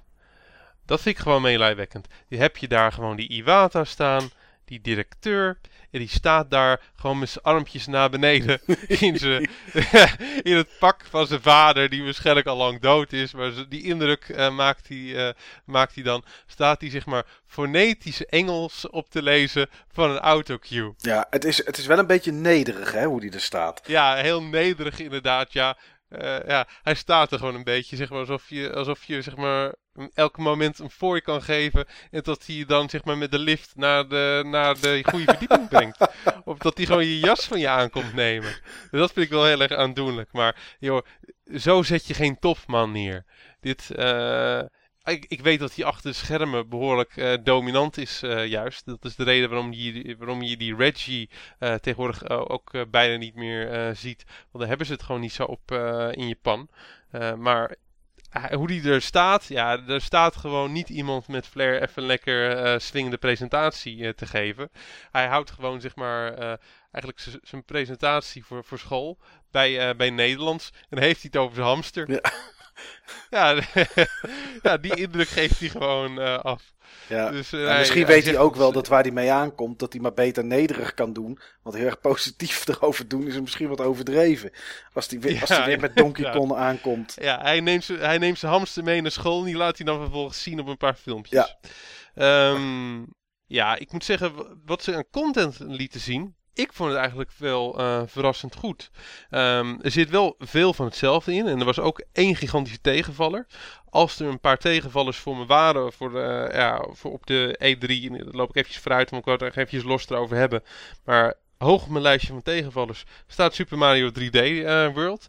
Wat een aanfluiting vond ik dat. Ik zat echt te wachten op de nieuwe Galaxy. Of voor mij part de nieuwe Mario Sunshine. Of de nieuwe Mario 64. Maar gewoon een, game met dat gevoel. Een singleplayer game met uh, complexe 3D-werelden die je vanuit verschillende perspectieven ziet. En uh, waarbij de camera kan roteren. En met een beetje action-adventure-achtige gameplay. Ja, en, en, dit, dit is gewoon een 3D-versie van New Super Mario Bros. Dan gebaseerd op Super Mario 3D Land. Wat ik een leuke titel vond voor de 3DS. Geen spectaculaire titel, een leuke titel. Maar niet iets waar je zeg maar een, een console game op, uh, op kan baseren. Ik denk dat het betekent dat er gewoon nog weer een andere Mario game aankomt. Want Mario games komen natuurlijk gewoon zat. En zeg maar een Mario Galaxy game die zal, of een Mario Galaxy-achtige game die zal echt nog wel gaan komen op de, uh, op de Wii U. Maar dit deed hem niet voor mij. hoor. en ik had het erover met mijn collega Rowena, die ook Nintendo-fan uh, is of zij is Nintendo-fan, ik ben gewoon gamer. Wel van oudsher uh, Nintendo-fan, maar uh, Nintendo heeft toch gewoon zat dingetjes gedaan met de Wii U. Dan raak je het wel, en met name de Wii, dan raak je het wel kwijt. Maar um, ja, zij vond het ook niet uh, spectaculair. andere dingen vond ik je wel juist gaaf. Die Donkey Kong Country, ja, het is niet wereldschokkend, maar het is wel tof. En ja, het is wel gewoon echt een goede 2D platformer. En heb je ook niet zo gek veel meer van. En het sprak me wel aan. Uh, ja, die X of Xenoblade, uh, die ik later nog los gezien heb, vond ik echt, echt tof. Die zet ik echt in mijn top 4 of top 5 games van, van de beurs neer. Um, Wonderful 101. Oftewel, ben ik ook benieuwd naar. Eigenlijk een soort Pikmin. Ja, het is gewoon Pikmin, maar ja, een iets meer vernieuwende versie urban versie, superhelden versie van Pikmin. Ja, ik ben gewoon wel benieuwd naar. Ik heb er ook een demo van gespeeld op de First Look. Vond het toen wel leuk, maar ja, het, is inmiddels natuurlijk alweer maanden en maanden verder. Ik denk dat het heel erg doorgeëvalueerd uh, is. Het ziet er wel tof uit en ik wil graag meer van, uh, van zien. Uh, ja, Bayonetta 2. Ja, het is gewoon Bayonetta. Het is niet, het is niet enorm vernieuwend, maar het is wel tof. Um, en wat eigenlijk voor mij de titel was van, van Nintendo. En ik het bijna gewoon erg om tegen jou te moeten zeggen, uh, Mike. Uh, Niels die weet het dan, uh, dan al. Maar na X was voor mij de titel ja, Zelda de Wind Waker. Jongens, tot volgende week. ja, ik weet het. Ik had deze reactie ook al verwacht. Het is een HD remake, maar het is wel een HD remake waardoor die game gewoon echt weer vers aanvoelt. Uh, de draw distance, wat echt een probleem was in uh, de Wind Waker, die gewoon echt heel laag lag, die ligt nu echt veel en veel verder. Mm -hmm. uh, de artstijl werkt gewoon echt heel goed in die HD-stijl. ze doen interessante dingen met, shader, met shaders en met lighting op het moment van dat je zou zeggen dat je iets andere stukjes liet zien en je noemde het Wind Waker 2. Voor mij voelde het dan, aan als, voelde dan ook gewoon echt aan als, uh, als Wind Waker 2. Mm. Wind Waker vind ik ook een hele leuke en onderschatte Zelda game. Ik zie mezelf met heel veel plezier spelen. Ik zie me, mezelf ook echt uh, spelen. En uh, ik koop gewoon heel veel games. Maar helaas kom ik niet aan, bij alles aan spelen toe. Maar deze wil ik gewoon echt spelen. En dat kan ik niet zeggen van elke game die ik gezien heb op, op de E3. Ja, ik heb wel daarna nog zo'n uh, developers comment video zitten kijken. Want ik ben zelf niet zo heel erg geïnteresseerd eerlijk gezegd in die remake. Maar wat ik wel goed vind, is dat ze wel dingen aanpassen die toen nog niet helemaal goed waren. Je had toen natuurlijk onder andere die uh, GBA link cable uh, onzin, waarin je volgens mij iets met Tingle kon doen. En Klopt. Dan, uh, kon je dingetjes kopen. Ja, precies. En hij hielp je met waar wat dingen lagen in dungeons en dat soort zaken. Ja, dus daar, gingen ze, daar hadden ze iets nieuws voor. Wat mij nog beter in de oren klonk, is dat die, die, uh, die Aonuma, of hoe die ook heet, die, die Die zei dat ze iets gingen doen aan die Triforce Piece Hunt aan het eind. Waar je steeds zo'n schatkaart krijgt. En dan moet je een schat gaan zoeken. En dan zit er dan weer een nieuwe schatkaart in. En die wijst dan weer naar een Triforce Piece. En daar was je zo dus een hele tijd mee bezig. Nou, ja, ik snap niet wat daar vervelend aan is. Ja, er zat, er zat eigenlijk heel weinig in. Behalve varen en elke keer uh, een, weer een nieuw coördinaat krijgen en daar naartoe varen. Want er zaten geen dungeons tussen. Het was een soort van vossenjacht. Ja, maar wel eentje die best lang duurde. Maar goed, ze zijn dus niet bang om wat veranderingen te doen. Nee, uh, klopt. Wat die gast trouwens gezegd heeft, is dat ze alle exploration willen versnellen. Ze gaan ook uh, iets inbouwen dat je gewoon sneller kan navigeren op zee. Ja. Dus dat je, er, dat je er korter doorheen bent. Dus de game wordt niet uitgebreid, hij wordt ingekort. Hij wordt niet ingekort. Je kan optioneel uh, kan je bepaalde dingen die gewoon de game wat trager maakte, gewoon versnellen naar de standaard van vandaag de, de dag. Ja, jongens, al zaten de, de, de titel van Kate Upton erin. Het, het doet maar, ik kan er niks positiefs aan, aan, aan zien. Echt niet. Nou, joh, uh, Niels, uh, we gaan niet overtuigen. Jij bent zelf niet eens uh, overtuigd. nee. Maar laten we dit, laten we dit onderwerp gewoon, laten we het onderwerp Zelda remake eventjes afsluiten. Ik heb inmiddels Kate Upton uh, eventjes gegoogeld, want ik kende haar niet. Ik wil haar overigens wel kennen. Dat snap ik. Maar ja, inderdaad, die zitten er niet in, in, uh, in de Wind Waker. Dat, zo eerlijk ben ik dan ook alweer. Ja. Ik ben overigens een beetje afgeleid, uh, jongens. Dus misschien kan iemand anders nu eventjes iets zeggen. Nou, ik was eigenlijk wel nog even benieuwd wat nieuws... we hebben natuurlijk eigenlijk alle games wel een beetje voorbij laten komen. Maar of mm -hmm. er nog iets... Of Niels voor de rest nog iets heeft aan toe te voegen aan de E3-presentatie van Nintendo. Terwijl ik dan ook gewoon voor de grap even Google weer op Cape Upton. nee. Nee, ik heb er eigenlijk niet zoveel aan toe te voegen. Het was gewoon een hele veilige presentatie met allerlei dingen waarvan we eigenlijk al wel wisten dat ze kwamen. Uh, dus niet echt een verrassing. Nou, Donkey Kong was een verrassing. Ik had liever iets van Metroid of van Star Fox of zo gezien. Um, maar hadden ze geen tijd voor, hè? Ze hebben zich helemaal gericht op, uh, op Donkey Kong Country uh, Tropical Freeze. En, ja, ze moesten kiezen inderdaad retro. En dus ja, daarom geen, uh, geen Metroid. Ja, en ik denk toch dat ze ook met iets anders bezig zijn. Want dit leek nog best wel gebaseerd op de engine van de Wii-versie. Ja. Uh, het leek als een, ja, als een vrij gemakkelijke update. Met, die dan toevallig HD is. Maar er zaten niet hele bijzondere shaders in of iets dergelijks. Of gameplay waarvan ik dacht van nou, dat vereist wel een uh, veel krachtigere console. Dus ik heb het idee dat dit een team van, uh, van Retro is dat ermee bezig is geweest. Maar dat ze ook nog een andere team hebben die aan, of aan een andere game werkt. Of misschien die Nintendo te hulp schiet met, uh, met andere franchises. Want zo hebben ze schijnbaar ook aan die Mario Kart volgens mij ook 7. onnodig. Ja, maar ik moet... Uh, ik, ik, wil ik denk dat Retro of werkt aan een game die nog niet aangekondigd is. Of aan Mario Kart 8. Of aan Mario... Ja, dat zou heel goed kunnen, ja. Mario Kart 8, waar ik sowieso uh, erg naar uitkijk, moet ik zeggen. Maar Monolith uh, Soft met X, dat is toch wel mijn takeaway van de Nintendo Direct. Steven heeft Xenoblade nog helemaal niet gespeeld. Heeft hem wel liggen. Uh, bij mij is Xenoblade de RPG van de afgelopen generatie. En misschien ook van die daarvoor. Het is echt een, een, een game met zo'n ongelooflijk grote scope. Met zoveel content, zo'n grote wereld, zoveel exploratie, zoveel quests, zoveel dingen te doen. Zo mooi en episch aangepakt dat, ja, dat, dat ik alleen maar uit kan kijken naar het volgende waar Monolith Soft uh, aan werkt. En uh, ja, ik vond het wel heel apart dat, dat deze game dan voor mij zo bijzonder uh, aanvoelt. En een game als Kingdom Hearts 3 ja, niet.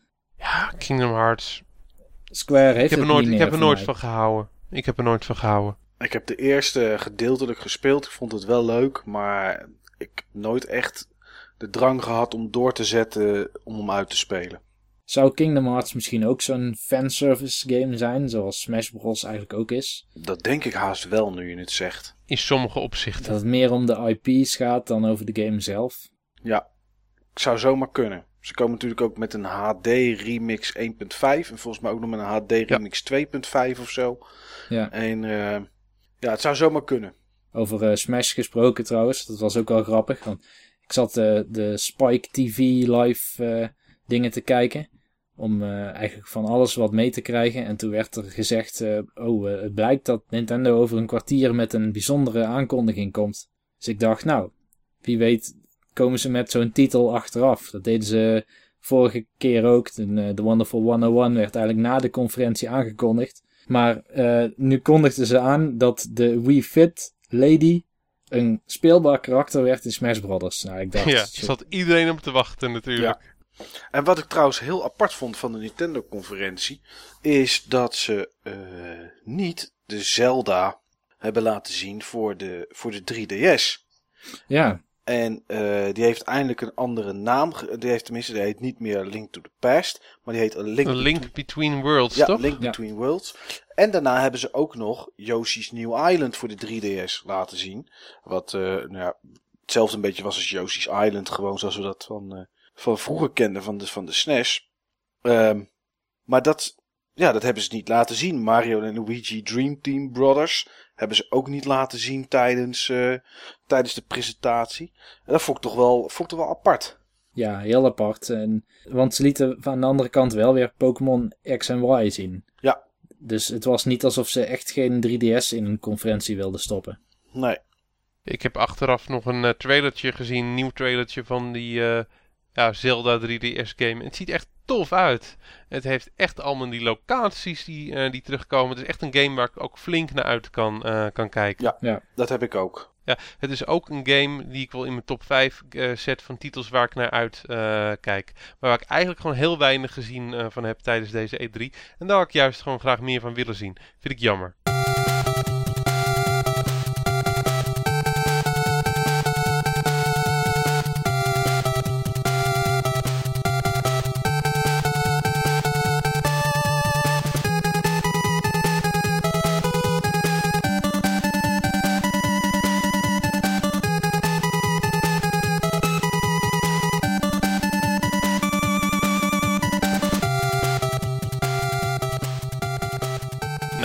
Gehad over Microsoft, Sony en Nintendo. Maar er waren natuurlijk nog meer grote presentaties van de andere grote uitgevers, de grote third-party uh, uitgevers. Um, ja, laten we het daar ook over hebben, uh, mannen. Wat is jullie bijgebleven, opgevallen in positieve en negatieve zin van EA, Activision Blizzard, uh, Ubisoft en de andere partijen? Mij is eigenlijk van al die partijen maar één ding opgevallen. Nee, zeg ik niet zeg ik niet goed. Twee dingen. Wat mij bijgebleven is van al die presentaties, en ik heb ook nog vrijdags naar Konami zitten kijken, want die kwam ook nog met een soort Nintendo Direct, maar dan van Konami. Dat was vooraf, ja, hè? was vooraf. Ja. was de pre-webshow of zo, zoals ze dat noemen. Dat doen ze nu al drie jaar. Dat is ook beter dan dat je Konami live op het podium laat, want dan gebeuren er hele rare dingen met de Japanners. Um, is eigenlijk waar we de vorige keer in de podcast over gehad hebben. En dat is de Division. Dat is eigenlijk het enige, want Ubisoft kwam met niet heel veel bijzonders voor de rest. Ik vond het een beetje beschamend dat ze van Watch Dogs alleen een trailer lieten zien. Omdat ze blijkbaar hun huid hadden verkocht aan Sony. Om daar gameplay te laten zien. Uh, ik had toch als Ubisoft zelf zijnde uh, de trots willen hebben om dat zelf te doen. Had ik ook niet gedaan. Nee.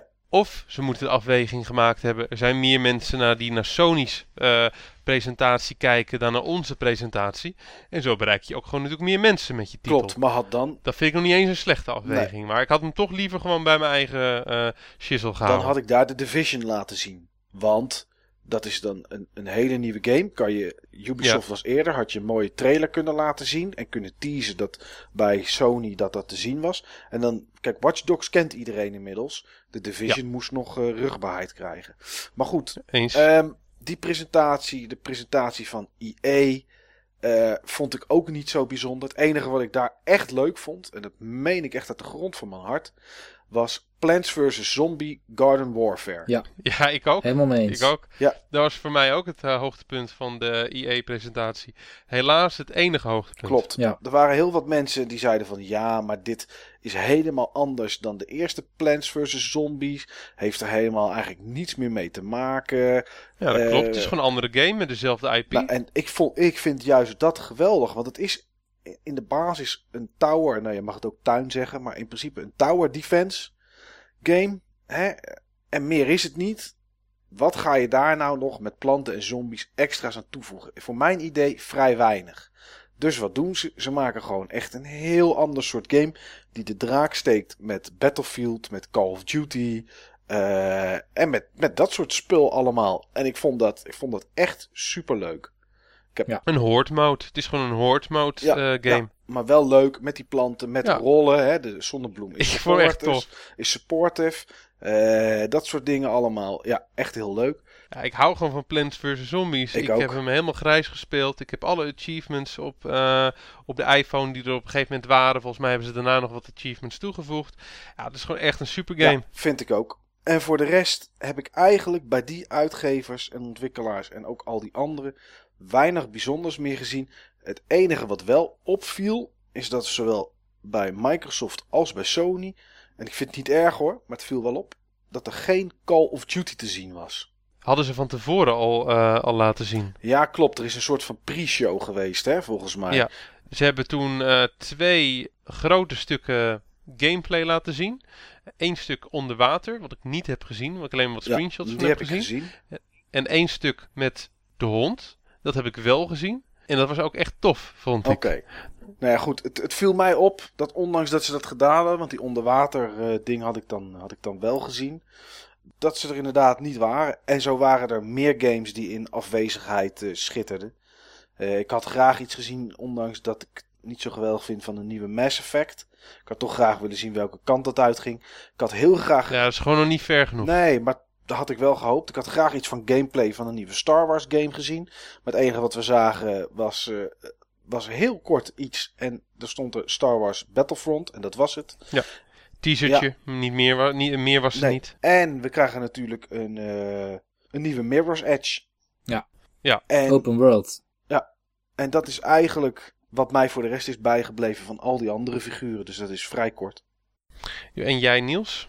Nou, ik was uh, net, net als Michael uh, vooral enthousiast bij EA dan over uh, Plants vs. Zombies. Vanwege ja, dat het er echt gewoon als een echt leuke game uitzag. Iets wat je echt zou willen doen. En Mirror's Edge. Battlefield viel me heel erg tegen. ik vond hem er niet bijzonder uitzien. En ik vond hem er ook, ook niet leuk uitzien. Dus dat, de gameplay leek mij vrij tegenvallen. Maar verder deed het me eerlijk gezegd niet zoveel. Ik vond dan de Ubisoft-conferentie veel sterker. Hoewel daar veel dingen in zaten die we al wisten, die kwamen. Uh, zoals, uh, uh, hoe heet dat, met die dogs. Het heet allemaal dogs tegenwoordig. Hè? Watch Dogs. Watch Dogs, inderdaad. En Assassin's Creed 4, want ja, ik ben een klein beetje opgebrand op Assassin's Creed na drie delen geprobeerd te hebben, laat ik het zo zeggen. Maar de Division maakte dat helemaal goed. Het was gewoon echt een fantastisch spel. En ik snap ook waarom uh, Michael daar zo enthousiast over is. Maar zelf vond ik ook de crew best interessant. Dat is zo'n uh, zo'n online open world extreem grote racing game.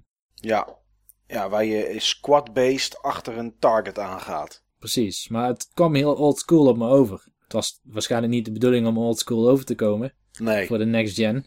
Maar uh, qua gameplay kwam het wel zo over als die games waar je nog uh, graag langs de weg uh, door een weiland ging rijden om te kijken wat er dan allemaal te zien was. Dat kunnen we de laatste tijd niet meer zo goed. Nee. Maar um, deze game leek dat dan wel weer te faciliteren en het is ook gebaseerd op allerlei bekende steden in Amerika die ook met elkaar verbonden zijn. Helemaal realistisch was het ook niet qua afstand volgens mij was je binnen een half uur van, uh, van Miami in New York of zo. Ja. Dat lukt je niet. Maar, uh, wordt het een beetje saai als je daar de echte afstanden voor aan gaat houden. Ja, inderdaad, ja. Maar is er wel wat te zien onderweg. Oh, zeker.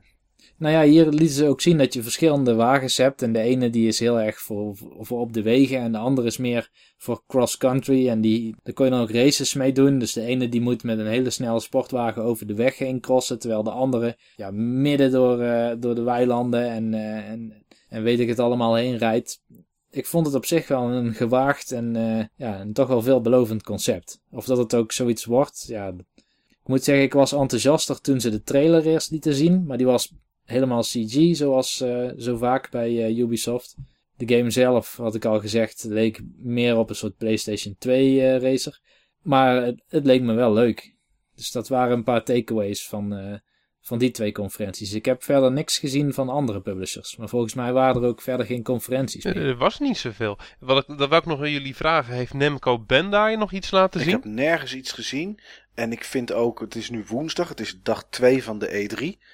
Um, er komt ook van andere bedrijven weinig meer naar buiten eigenlijk. er komt gewoon niks los. Nee. Ja. Voorheen kwamen er nog wel eens nieuwtjes. En eh, ja, dat is, dat is eigenlijk nu helemaal niet. Ja, maar ik moet zeggen, mannen, dat heb je meestal pas bij zeg maar de tweede of derde eh, E3 in een generatie. Ja. Wat je merkt is van eh, niet iedereen heeft zijn content eh, klaar. Nee, is ook zo.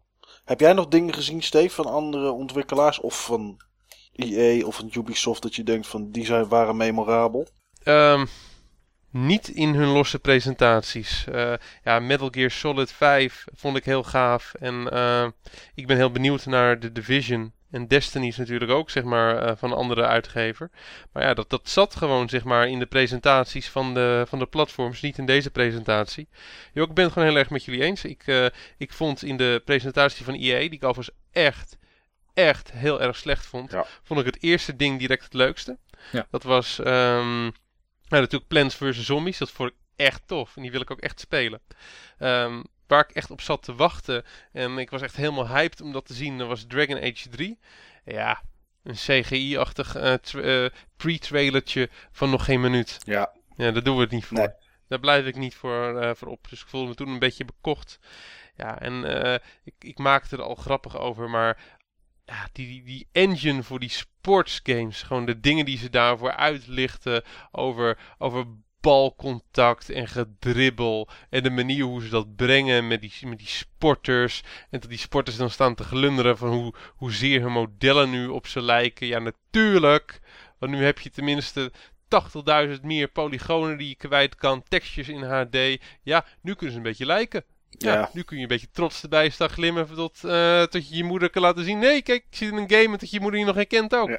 Maar eh, nee, ik heb er echt helemaal, helemaal niks mee. Maar ik hou ook niet van die sportspellen. nee, ik ook niet. Maar En je, je merkte ook van dat, ehm, je merkte ook dat de reactie vanuit de crowd niet, eh, niet echt eh, enthousiast was. UFC, heel klein applausje.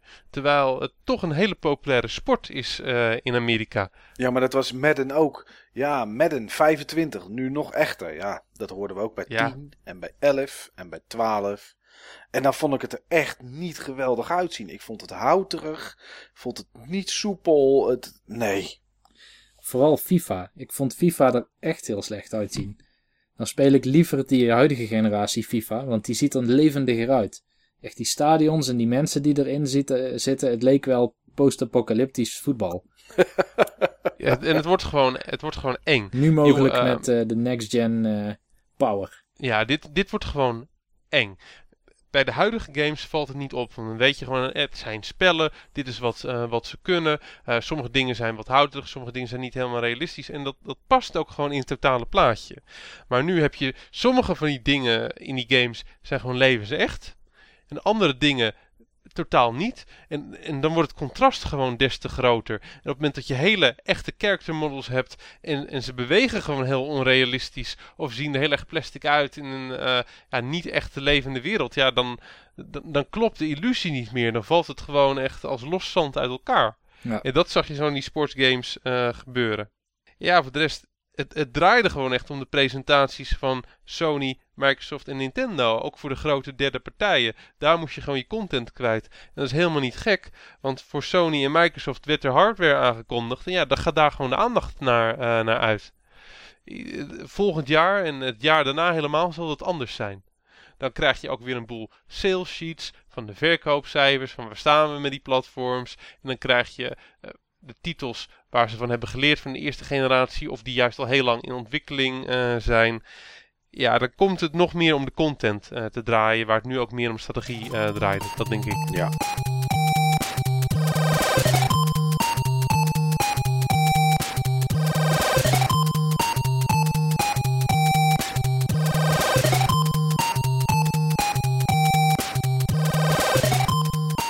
Trends en opvallendheden. Wat viel jullie op over de hele E3 eh, heen? Transmedial gaming. Transmedial gaming. Dat was er inderdaad duidelijk eh, eentje. En die had jij gespot, eh, Niels. Ja. Jij, bent, jij bent onze trendwatcher. Ubisoft had in bijna alle titels in hun conferentie wel een vorm van transmedial gaming. Met een tablet, met een smartphone, smart glass, maakt niet uit. Je kon bij alles wel op een of andere manier inhaken met een ander device. Ja, dat klopt. En uh, ja, goed, iets wat we al eerder hebben gezet. De, schaal wordt groter van elke game is een trend. De, crew uh, kan je geloof ik door heel Amerika inderdaad heen crossen. Bij uh, Dead Rising komen er meer zombies dan dat er hagelslagjes in een pak zitten. En ja. Ehm, Geweldige vergelijking. het, is nog echt, het is nog echt zo ja, ook. En dat is, dat is de trend die ik gezien heb. En ja, op, opvallend vind ik, maar goed hebben we het al over gehad, dat Sony wint door te zeggen wij supporten tweedehands games. En jij zelf? Uh, daarmee, daarmee samenhangend, uh, ja, hoe sterk uh, iedereen reageert op, uh, op Sony qua positiviteit, hoe, hoe sterk iedereen reageert op Microsoft qua negativiteit, terwijl je qua content dat echt niet zou verwachten. Qua content zou het gewoon precies andersom moeten en zijn. En aandeelhouders hè, die, weer, uh, die weer aan de slag gingen. Microsoft die weer daalde toen Sony de prijs bekend maakte en dat soort dingen allemaal. Ja, en ook de mainstream aandacht waar we het ook over gehad hebben. Duidelijk naar Sony. Sony wint gewoon. Op, uh, op alle vlakken Iets wat me trouwens ook nog wel opviel, is dat meer dan bij de aankondiging van de PlayStation 3 en de Xbox 360, dat uh, iedereen wel iets heeft met indie games. Iedereen laat wel... Behalve Microsoft. Nou, Microsoft heeft... Had ook. Had ook uh, Below bijvoorbeeld. Was wel van de Microsoft Studios, maar oogde voor mij toch als een soort indie game. Ja, nou, het was meer omdat het moest. Ja, maar ze doen het wel. Ja, nou, ik, ik heb dit... Uh, ik vond niet tot daar de focus op Nee, nee, nee, niet de focus, maar iedereen had er wel iets over en mee. Ja, nee, dat klopt het, er zat altijd wel een bullet point van indie in elke conferentie. In ieder geval van de drie consolehouders. Ja. Het voelde voor mij aan als een verplichte bullet. Dat je gewoon niet hip was op het moment dat je hem uh, niet had. En uh, bij, uh, bij Sony zag je daar heel veel van terugkomen. Bij Microsoft relatief weinig. Ja, en Nintendo had het ook. Dus het is toch wel een trend of die nou positief is erin gedrukt. Of... Moet, moet je me eventjes helpen? Wat hebben we bij Nintendo gezien qua uh, indie gebeuren? Ja, Nintendo begon over de e-shop en dat daar steeds meer content in kwam. En daar zaten ook indie games tussen. Ja, je, je had zo'n... Ze lieten ook... Oh ja, ik weet alweer. Ze lieten dat Mutant Mods lieten ze zien. En uh, ja. nog wat dingen. Ja, ik weet het wel. Zo'n ja. achterlijk moeilijke game lieten ze ook zien. Waar heel het scherm vol uh, draaiende pikkerballen zit. Ja, en kogels uh, echt van alle kanten komen en dat je dan doorheen moet manoeuvreren. Ja. Dat klopt. Zag jij verder nog uh, trends, Niels? Nou ja, er schiet me nog wel één mooi transmedial voorbeeldje te binnen. Ja. Die tekenfilm van The Rabbits van Ubisoft. Oh, toen heb ik het scherm even uitgezet. Ja, nou dat kun je gerust doen, maar dat is wel transmedial. Dus je hebt een tekenfilm. Ja. En uh, daar kun jij beslissingen in maken als gebruiker. Maar dat is geen tekenfilm die jij op je console hebt. Volgens mij kwam die echt op televisie. Maar jij kan minigames doen bij die tekenfilm of iets dergelijks. Het zag er een beetje apart uit. Maar ik dacht wel van kijk, hier wordt al meer geëxperimenteerd met oude media en nieuwe media om dat iets samen te brengen. Dus uh, dat vond ik interessant. Maar qua nieuwe trends naast dat. Um, volgens mij niet, Niels. Zo diep moet denken, denk ik dat je je belangrijkste kruid daarop We hebben natuurlijk al genoemd uh, Open World. En ik heb daar in het begin van, uh, van onze opname al aan toegevoegd dat ik zei van ja, volgens mij is dat MMO past er ook wel in. Ja. Je ziet heel veel multiplayer Zeker. dat in Zeker. een open world is. En, en we kregen natuurlijk ja. uh, World of Tanks voor de Xbox 360.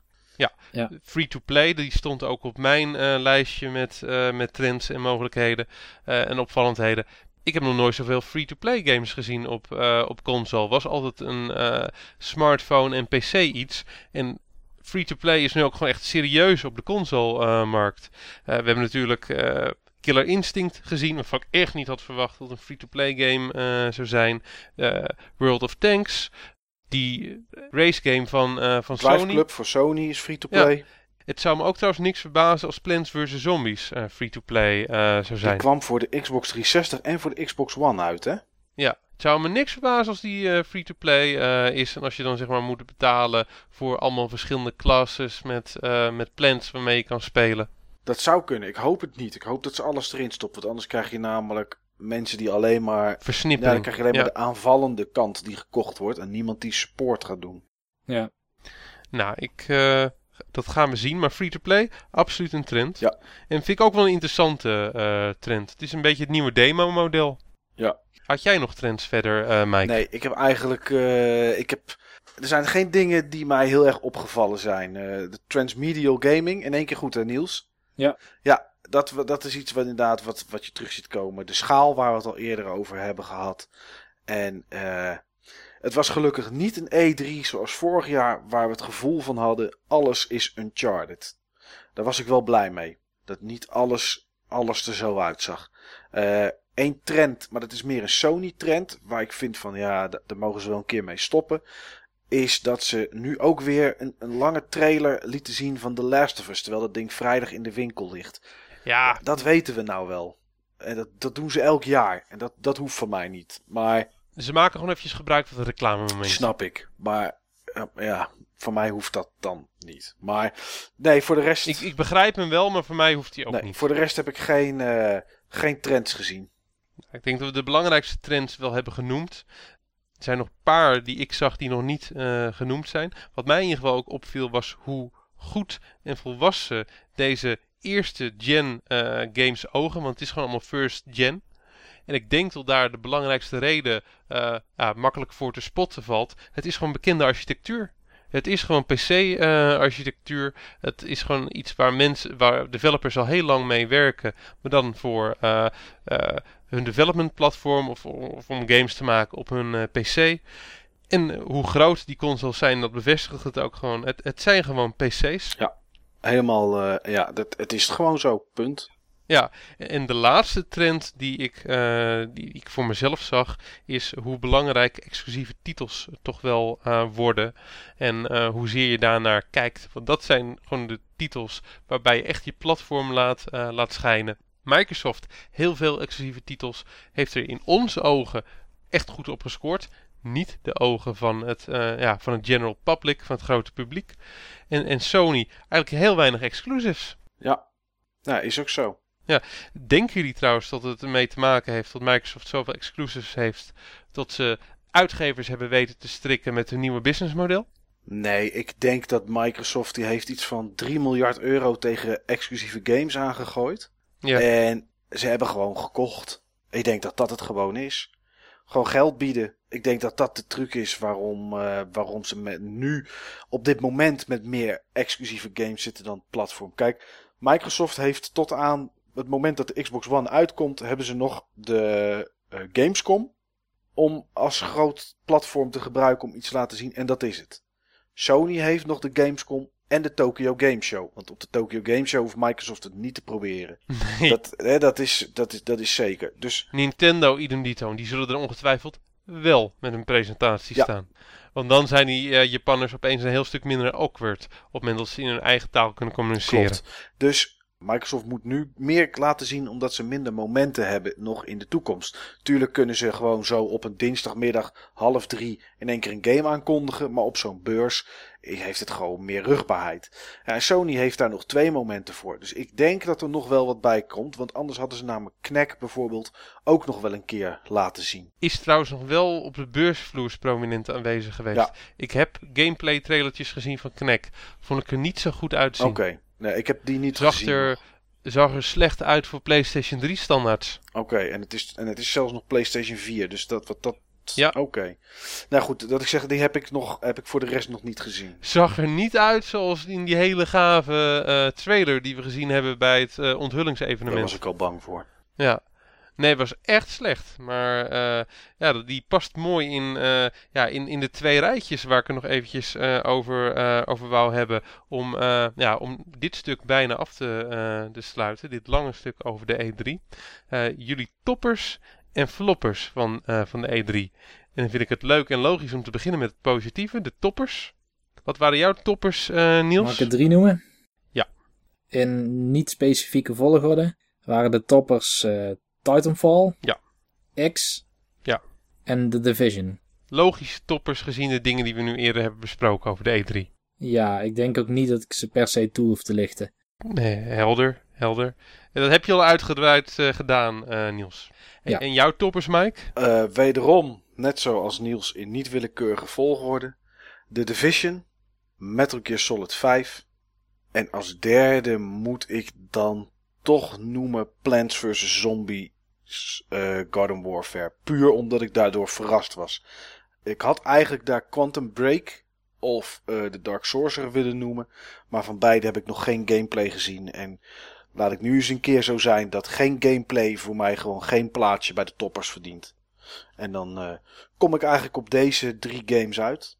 En dat is heel stiekem gezegd uh, allemaal spul wat op de Xbox One uitkomt. Nou, dat verklaart dan wel redelijk goed die 75% van het platform waar je nu naartoe neigt. Ja, dan ben ik benieuwd naar jouw drie uh, toppers, Steve. Dan ga ik bewust drie andere toppers kiezen dan jullie gekozen hebben. mijn eerste topper is Crimson Dragon. Een game waar we het nog niet over hebben gehad. Dus die ga ik ook eventjes toelichten. Nou, ik kan het heel makkelijk toelichten. Panzer Dragoon. Ja. Xbox only, hè? Ja, Xbox only. Ze noemen het Crimson Dragon. Want ja, Sega heeft de license van Panzer Dragoon. Maar het speelt als Panzer Dragoon. Het ziet eruit als Panzer Dragoon. En hey, het is van de bedenker van Panzer Dragoon. Nou, hoe noemen we het dan? Dragon, want Dragoon mag niet. Precies. Ja, ja precies. Nee, maar vond ik gewoon echt heel gaaf uh, uitzien. Uh, verder een game die ik toch wel vind dat die erin uh, hoort, vond ik in eerste instantie te veel aangekleed, te veel uitgebreid op, op de kern met elementen die ik in eerste instantie onnodig vond. Maar ik heb de trailer nog twee keer bekeken. Ik heb hem nu in totaal drie keer gezien. ik vind het wel heel erg leuk. Mario Kart 8. Oké, ja. Maar mijn grootste topper, als ik echt eentje uh, zou moeten uitlichten, uh, de game die ik het liefste zou willen spelen, als, er, als ik gewoon één game zou mogen kiezen van joh, ik kan in de toekomst uh, stappen en die kan ik spelen, welke zou ik dan willen spelen? Dan is dat op basis van wat ik gezien heb. Want de Division heb ik nog niet gezien op het moment dat ik dit nu met jullie doe. Um, dat is wel Destiny. Geweldige sfeer, geweldige schaal. Gameplay die me aanspreekt. Combinatie tussen, uh, tussen Halo en um, Borderlands. Um, een levende wereld waar je met verschillende spelers inspeelt. En waarbij je ook levelt, loot opbouwt. En voor mij een geweldige uh, reden. Eh, dat zou voor mij al reden genoeg zijn, want ik ben echt fan van die man. Peter Dinklage. Ik had eigenlijk verwacht, Steve, dat jij toch nog Dead Rising 3 zou noemen bij deze drie. Ja. Ik vond het moeilijk, maar, uh, ik, maar ik, uh, ik ga toch voor, uh, voor Destiny. Oké. Okay. Nou, fair and square. Dus ik had net zo goed een top 50 van kunnen maken, een top 10 van kunnen maken. Maar drie toppers vind ik gewoon wel, wel logisch. Ik vind dit goede, logische toppers. Um, Dead Rising heeft me verrast. Maar um, Mario Kart 8 heeft me meer uh, verrast. Ik had gewoon niet verwacht dat je dit uit de Wii U kon, uh, kon persen. Ik vond het gewoon leuk. Ik wou het spelen. Oké. Okay. Maar bij toppers horen ook floppers. Ja. En laten we ons daar niet limiteren door drie. Wat zijn onze floppers? Ja, als ik als eerst mag gaan, is er eigenlijk maar één echte grote flopper. En dat is de Ouya. Ja, ik vind het zo'n mooi verhaal. Vertel jij het maar. maar. De Ouya is... Uh zoals vele mensen weten, een Android gebaseerde console. En de Ouya die, uh, ja, die is onlangs uitgekomen of wordt op dit moment verscheept, dat is het meer. En die hoort dus eigenlijk gewoon op de E3 thuis. Want hè, dus, die Kickstarter was echt een succes. Uh, ja. Kost maar 99 dollar. Zet je bij je tv. Kan je op gamen. Kan je uh, via XBML kan je series en films kan je naar je tv streamen. Ja, gewoon klinkt als de hemel. Maar goed, de Ouya had, uh, had of wilde niet veel geld uitgeven om op de E3 te staan. Dus wat deden die? Die hebben een stuk parkeerplaats afgehuurd om daar buiten het E3-gebouw, buiten de LA Convention Center, om daar hun, uh, hun stand op te bouwen. Um, de ESA, de, de Entertainment Software Association, die uh, de E3 organiseert. Ja, goed. Die was daar blijkbaar toch niet zo heel erg gecharmeerd van. Dus wat hebben die gedaan op uh, dag 1? Die hebben de parkeerplaats waar hun uh, op stonden met hun Ouya-stand nog een keer verhuurd. Aan vrachtwagens. Het stuk ervoor. Ja. Ze hebben zeg maar voor hun stand hebben ze grote vrachtwagens geparkeerd. Precies. Nou goed. Dus die, de heel die Ouya-stand die was niet meer zichtbaar omdat er allemaal vrachtwagens voor stonden. Nou goed, wat hebben ze gedaan bij Ouya? Die hebben weer een stuk daarvoor gehuurd. Van hé, hey, daar achter de vrachtwagens, daar hebben we een stand. Ja, daar hebben we stand. Dat schiet niet op. Dus we huren een ander stuk parkeerplaats. En dat stond weer voor de vrachtwagens, dat ze wel weer zichtbaar waren.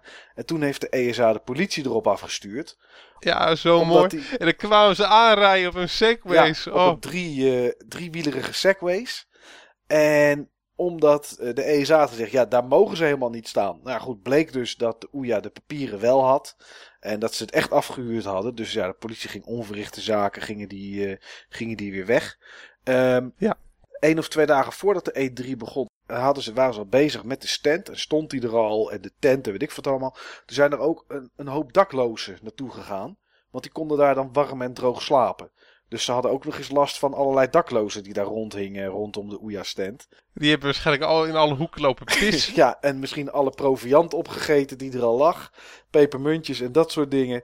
Dus ja, het is gewoon echt één grote flop. Ze hadden beter niet kunnen gaan. Ja, dit, dit was echt gewoon triest. Het was gewoon net zo triest, of nog triester inderdaad, dan Iwata die daar met zijn armpjes naar beneden fonetisch Engels van een uh, voice-over staat op te, uh, ja, op te lezen. nee, ik vond dit echt, een, echt, een, echt de grootste flopper.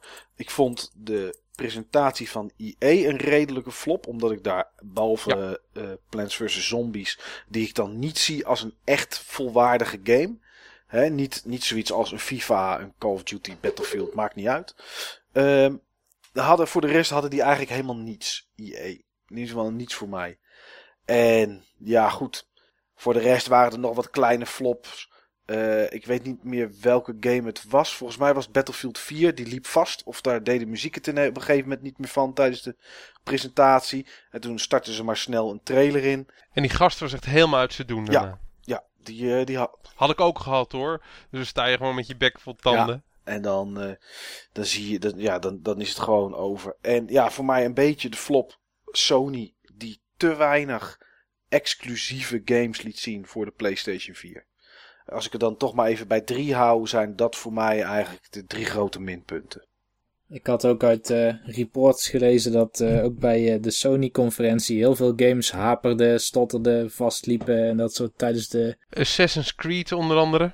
Assassin's Creed 4, Black Flag. Ik heb er niks van gemerkt zelf overigens, maar van mensen uit de zaal kwam dat bericht. Oké, nee, ik heb dat ook niet gezien, maar ik heb, toen ik Black Flag zag, dacht ik van nou, ik ga even iets anders doen. Ik ga even een stukje tikken, want het ja, is niet een game-reeks die mij aan het hart ligt. Nee, precies. En jij zelf, uh, Steven, de einde nieuws heeft vast iets heel moois, dat gok ik. Dus dan schakel ik even, wil ik wel even van jou weten wat jij uh, flop vond. Dat vond ik flops die nog niet genoemd zijn. Um, het feit dat Nintendo geen presentatie had op de vloer. Ik vind gewoon dat Nintendo daar hoort. Ja. En die, uh, die, die Reggie kan dat perfect houden. Eh, ik kan me goed voorstellen van tot, uh, ja, tot die Japanners gewoon liever uh, niet naar Amerika afreizen om, om daar verhalen te gaan staan houden waar ze zich niet helemaal comfortabel bij, bij voelen. Of met een tolk ernaast, dat vroeger nog wel eens gebeurde, wat je tegenwoordig niet meer hebt. Maar het was gewoon hard nodig. Nintendo loopt achter qua verkopen. Nintendo moet het verhaal maken en niet het verhaal volgen. En dat werkt gewoon veel beter als je er bent. Dit vond ik echt een verkeerde keuze. En dan wordt er gezegd, we hebben Nintendo Direct en het is een goed medium. Ja, het is een perfect medium voor alle andere maanden naast E3 en naast de Tokyo Game Show. Ja. Dit was gewoon een aanfluiting. Dat vond ik in ieder geval misschien nog wel uh, de grootste uh, flopper. Uh, daarbinnen, binnen die presentatie, we hadden hem al genoemd, Super Mario 3D World. Ja, elke game waarin je een roze kattenpak aan kan trekken. Ja, daar zit ik nou niet echt op te wachten. Om vervolgens een beetje met die klauwtjes. Miauw, miauw. Een beetje, nee, dank een beetje cosplay-achtig. Dat vond ik in ieder geval een flop. Ook een flop. Uh, ik heb meer dan uh, drie. Ik heb niet, niet veel meer dan, uh, dan drie. Um, het on totaal ontbreken van The Last Guardian. Dit is gewoon echt een van de weinige games waar mensen gewoon echt al jaren naar uit zitten, uh, zitten te kijken. Ze zitten er gewoon echt al naar uit te kijken sinds dat de PlayStation 3 er is. Van wanneer komen die gasten van Team Ico met een nieuwe titel? We zijn warm gemaakt. We hebben er nog steeds niets van gezien. Behalve dan die prachtige trailer van volgens mij alweer 2, 2,5 jaar langer terug. Toch al, langer al volgens mij. Het zou best kunnen. Volgens mij is vijf jaar terug. Maar de, ze, zijn, uh, ze zijn erover over benaderd. Jack Tretton die zei, hij staat op hold. Die had het over hiatus. En een of andere, ik weet niet meer wie, een of andere hoge Japanse Sony pief zei. Als je nu in het, uh, in het kantoor naar binnen loopt van, uh, van Team, Team Ico, dan zie je allemaal mensen die hard werken aan The Last Guardian. Ik heb het eventjes opgezocht trouwens. E3 2009. Oké, okay, vier, vier, jaar, terug. terug. Oké. Okay. maar ja, dat, dat vond ik gewoon een uh, aanfluiting aan uh, de kant van Sony. Wat ik ook een aanfluiting vond aan de kant van Sony, dat was uh, Knack. bekijken nog maar eventjes de losse gameplay trailers van. Ja, wat, ik vind het eruit zien als een slechte PlayStation 3 game. Oké, nou ja, goed, die moet ik nog gaan, gaan bekijken inderdaad. Ja, misschien ben ik te hard, maar... Um... Kan niet hard genoeg, Steven. Als dat je mening is, is het je mening.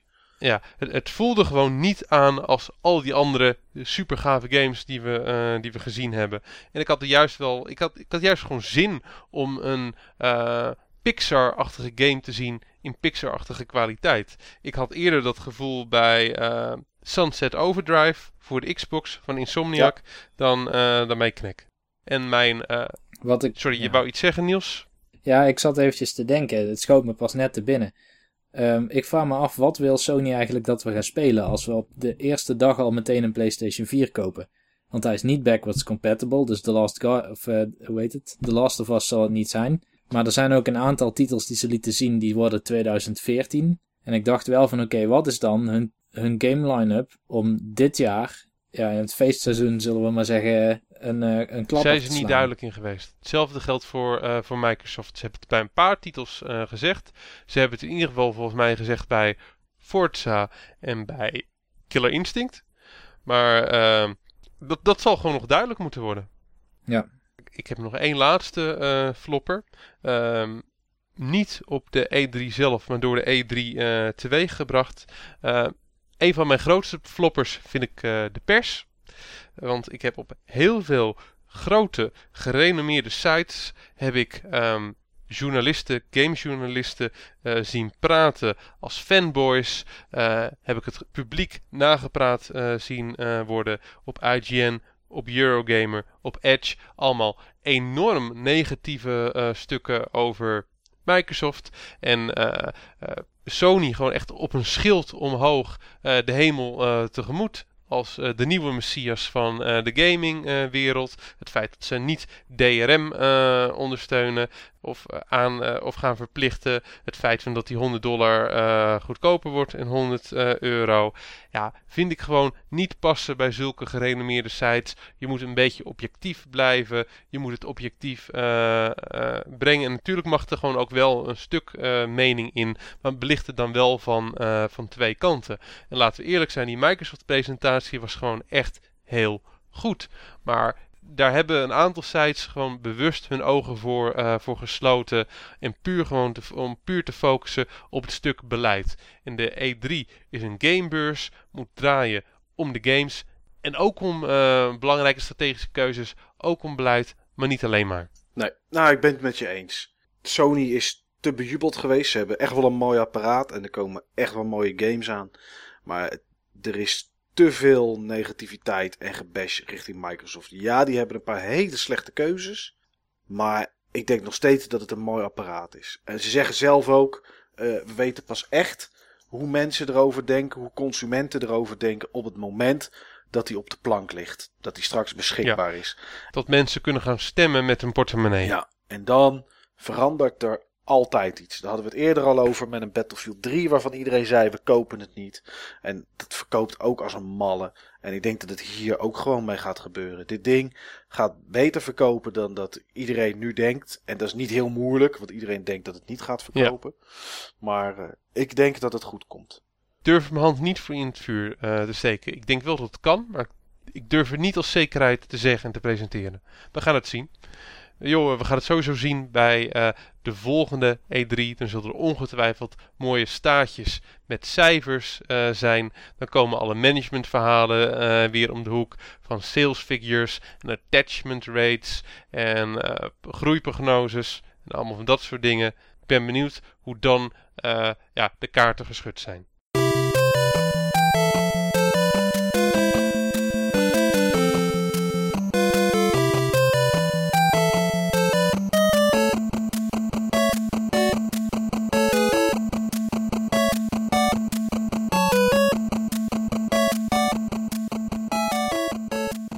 Willen we natuurlijk afsluiten met onze nieuwe rubriek, de 5 minuten mening. Die we eigenlijk in de vorige uitzending hadden willen doen, maar omdat dit eigenlijk één grote doorlopende uitzending is die we in één keer hebben opgenomen. En deze uitzending bijna volledig over nieuws en meningen al ging, hebben we ervoor gekozen om dan één afsluitend te doen aan het eind van het hele E3-stuk. We hebben de twee stellingen. De twee stellingen die uh, Mike in uh, ja, de uitzending over ja, de uitzending over Hidden Gems heeft uh, geïntroduceerd. Deze keer heb, heb ik ze. Stelling 1. Ga de strijd rond de tweedehands games en DRM bepalend zijn voor wie straks de console wars die los gaan breken bij de nieuwe generatie gaat winnen. Wat is jouw mening, Niels? Mijn mening is nee, dat gaat niks beslissen. Eh, enerzijds omdat we al gewend zijn om, uh, om, om met digitale content dat we die niet kunnen resellen. Maar anderzijds ook omdat de mogelijkheid om een game door te verkopen weegt misschien niet zo zwaar als allerlei andere mogelijkheden die bijvoorbeeld zo'n uh, zo'n Xbox One wel gaat bieden. Waar mensen eigenlijk meer waarde aan gaan hechten dan het resellen van tweedehands games.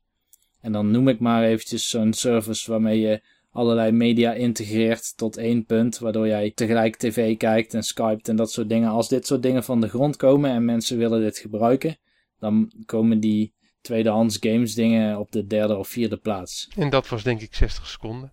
Oké. En wat is jouw mening, Mike? Nee, het gaat het uh, totaal niet beïnvloeden en het gaat ook zeker niet bepalend zijn. Um, kijk het naar mezelf, naar de Xbox 360 en naar de PlayStation 3. Hoeveel games ik daar zelf tweedehands voor heb gekocht, is dat echt heel erg weinig. Uh, ben ik daar misschien anders in dan anderen? Maar goed, wat Niels al zei, als je nu iets op iTunes koopt, als je nu een game op Steam koopt, kan je hem niet doorverkopen. Steam is aan het werk dat het wel kan, maar als het nooit zou gebeuren, zou niemand erover klagen. Het is nu op dit moment slechts een stok om mee te slaan. En het slaan is ook alleen om het slaan. Want op het moment dat er straks twee of drie games uitkomen, net zoals Nintendo dat heeft met een Zelda, en die komen voor de Xbox One, komt er een nieuwe Banjo Kazooie uit. Of uh, een andere game die iedereen echt enorm graag wil spelen. Dan denkt er helemaal niemand meer na over die tweedehands games. En dan maakt het echt geen, geen, geen drol meer uit. Sony heeft er nu een klap mee uit kunnen delen. Maar dat is het enige wat ze ermee hebben gedaan. Het gaat niets veranderen. Als ik dan nog een hele kleine aanvulling uh, om mag geven voor ik uh, de tweede stelling loslaat. Ik heb laatst mijn Xbox collectie nageteld. En van mijn Xbox collectie is nog geen 20% tweedehands. Ja.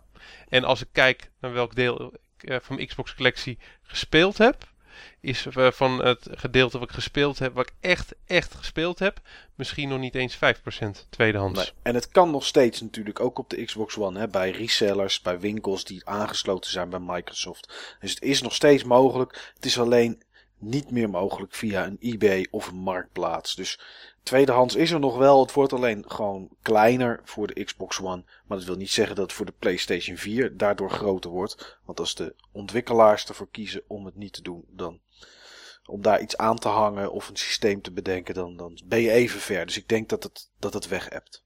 Ja, zo was het zeker geen minuut meer, maar dat kwam door mij. Ja. Omdat ik nog even een toevoeging, toevoeging Mooi. deed. Stelling 2. De E3 was vroeger, toen we nog niet platgegooid werden door livestreams, waardoor je er zelf bij was. Maar toen er nog een magisch evenement was in Verwegistan, leuker omdat het toen een groter element van verrassing had. Mike. Ja, daar ben ik het met je mee eens. Het is een beetje hetzelfde als een wedstrijd van het Nederlands elftal beluisteren via de radio. Um, doordat anderen erover schrijven of het erover hebben, wordt je mening bepaald en wordt ook beïnvloed vaak naar de positieve kant. Op het moment dat je direct zit te kijken, zie je wat er gebeurt en valt er heel veel toch meer tegen dan dat je het zo zou lezen. Vroeger, tijdens de E3, werd je wakker en ging je kijken op websites zoals eh, IGN, die er toen al waren. En zat je te refreshen en te hopen op het volgende nieuwtje dat getikt werd. En dat was de spanning al op zich. En het maakt niet uit welke persconferentie het was. En dat is nu weg. Na anderhalf uur uh, Microsoft of na twee uur Sony weet je alles. En vroeger verspreidde zich dat over de hele dag. En was er veel meer E3 voor je gevoel. Dus ja, het was spannender en leuker toen we vroeger niet zelf konden kijken. En jouw mening Niels? Ik ben het daar helemaal mee eens. En wat wel leuk is, als je nu bijvoorbeeld naar de TGS uh, gaat, of daarna dat gaat proberen bij te houden, dan ben je nog steeds afhankelijk van dingen als live blogs en Twitter en dat soort dingen. En dat is behoorlijk leuk om te zien, want je, je, je krijgt dan in kleine stukjes informatie binnen die je in je hoofd bij elkaar probeert te brengen. En bijvoorbeeld, uh, ik noem maar wat, als het gaat over Monster Hunter, dat, dat is nou een van die dingen waar ik altijd naar uitkijk. Dan gaat het over, it's a new Monster Hunter. It's for, it's for 3DS of zoiets bijvoorbeeld. En dan komt er daarna een screenshot. Ja, en dat, dat vind ik gewoon, daar leef je helemaal in mee in die sfeer. Terwijl als je die filmpjes zelf ziet, dan, ja, dan leef ik er toch iets minder mee. Want dan, dan wordt het zo letterlijk voor je neergelegd. Goeie duidelijke mening.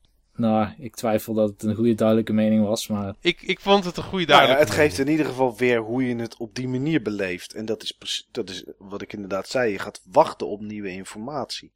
En nu... het, gaf je, het gaf het gevoel weer en heel duidelijk. En jij zelf? Mijn mening zit denk ik zeer duidelijk in de stelling al verpakt. En wil ik eigenlijk voor de rest niks meer op zeggen. Vul er een ja in achter de vraag en je hebt mijn antwoord.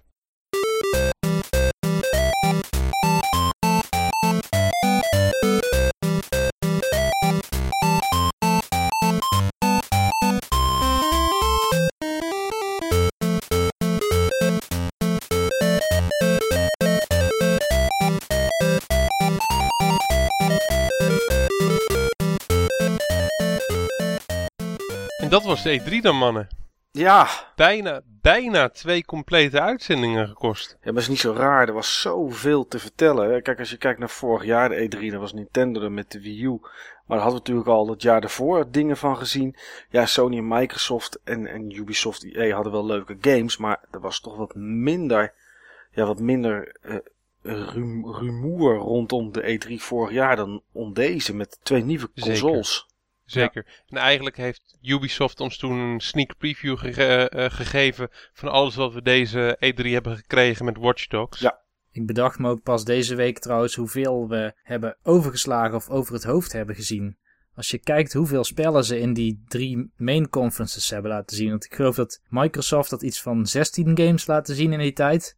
Sony, ik geloof 28 en Nintendo 32. Nou, we hebben elke keer maar een paar titeltjes eruit gepakt om er iets over te zeggen. Er zijn echt heel veel games geweest. Nou ja, dat, dat kan helaas niet anders. De games die echt goed zijn, die komen toch wel terug op het moment dat ze uit zijn. En de games die echt slecht zijn en ons toch weten te bereiken ook. En we hebben wel dingen gemist inderdaad. Maar dat, hè, wat je zegt, dat kan ook niet anders. Want ik zat uh, van de week nog even terug te kijken naar Sony. Die heeft namelijk drie dagen lang Elke dag hebben zij eh, games laten zien die eh, zowel op de PlayStation 3 als multiplatform uitkomen. En vandaag zat ik bijvoorbeeld een, een videootje te bekijken van A Murdered Soul Suspect. Een nieuwe game van, die uitgebracht wordt door Square Enix. Waarbij jij een detective speelt, een beetje à la L.A. Noir stijl.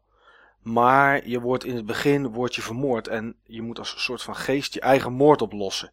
Ja, dat zag er echt enorm goed uit. En het leek me ook een enorme toffe game om te gaan spelen. Klinkt heel erg als een uh, eh, GBA-game. DS-game. Ghost Trick. Oh ja, DS-game inderdaad. Ja, Ghost Trick. Oké, die ken ik dan niet. Die volgens mij ook later ook als iPhone en iPad-game uitgekomen is. Ja. Oké. van dezelfde makers als uh, de Ace Attorney-serie. Phoenix Wright. Mm.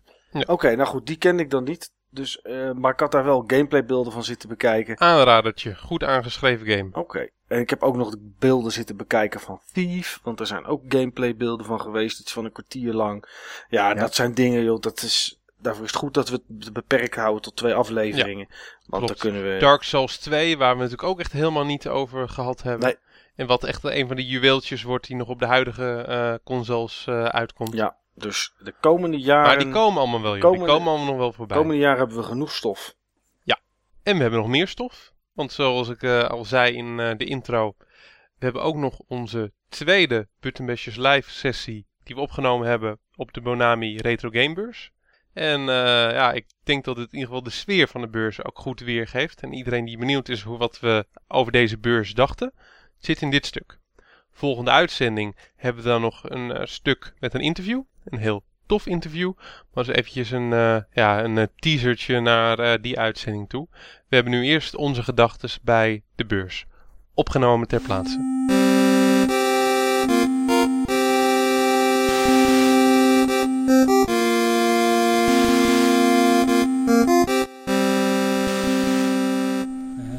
Welkom bij Buttonbashers Live, het tweede gedeelte het tweede interview. Deze keer kan Niels wel meepraten, want we zitten nu op een iets stiller gedeelte waarbij dat uh, ja, goed zou moeten kunnen. We zitten nu overigens heerlijk in het zonnetje buiten, op een grasveldje. Onderdeel van hetzelfde sportcentrum uh, waar de beurs is. Niels en ik zitten hier niet met z'n tweeën. Het is niet Mike die, ja, die aangeschoven is, maar het is wel een voor ons bekend gezicht en voor jullie hopelijk een bekende stem.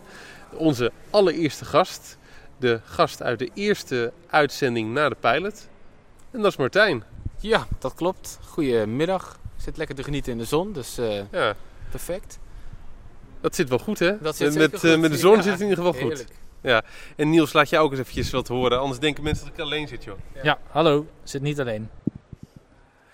Ja, joh, uh, we hebben inmiddels een groot deel van de beurs erop zitten. We hebben veel mensen gesproken. We hebben, we hebben veel gezien. Maar ik heb best wel wat leuke dingen gekocht. Maar ik heb op de een of andere manier het gevoel dat ik niet zo heel veel uh, gezien heb toch qua, uh, qua games. Ik heb toch het gevoel dat ik meer met de mensen bezig geweest uh, ben weer. Maar dat is ook misschien een beetje kenmerkend voor wie ik ben. Wat, wat vond jij tot nu toe van de beurs, Martijn? Je bent er net zo lang als ik. Ja, ja de, ik vond de beurs eigenlijk best wel een beetje tegenvallen wel. Qua in ieder geval het aanbod van welke games er überhaupt zijn. Kijk, in mijn sectie waren er gelukkig wel genoeg. Ja, want ik heb, jouw uh, sectie is? Mijn sectie is NTSC. En dat, uh, ja, dat is voor de meeste mensen die me in ieder geval kennen op het Palrox in ieder geval... Uh, weten wel dat ik alleen NTSC verzamel. Ja, NTSC NES Games. NES Games, inderdaad.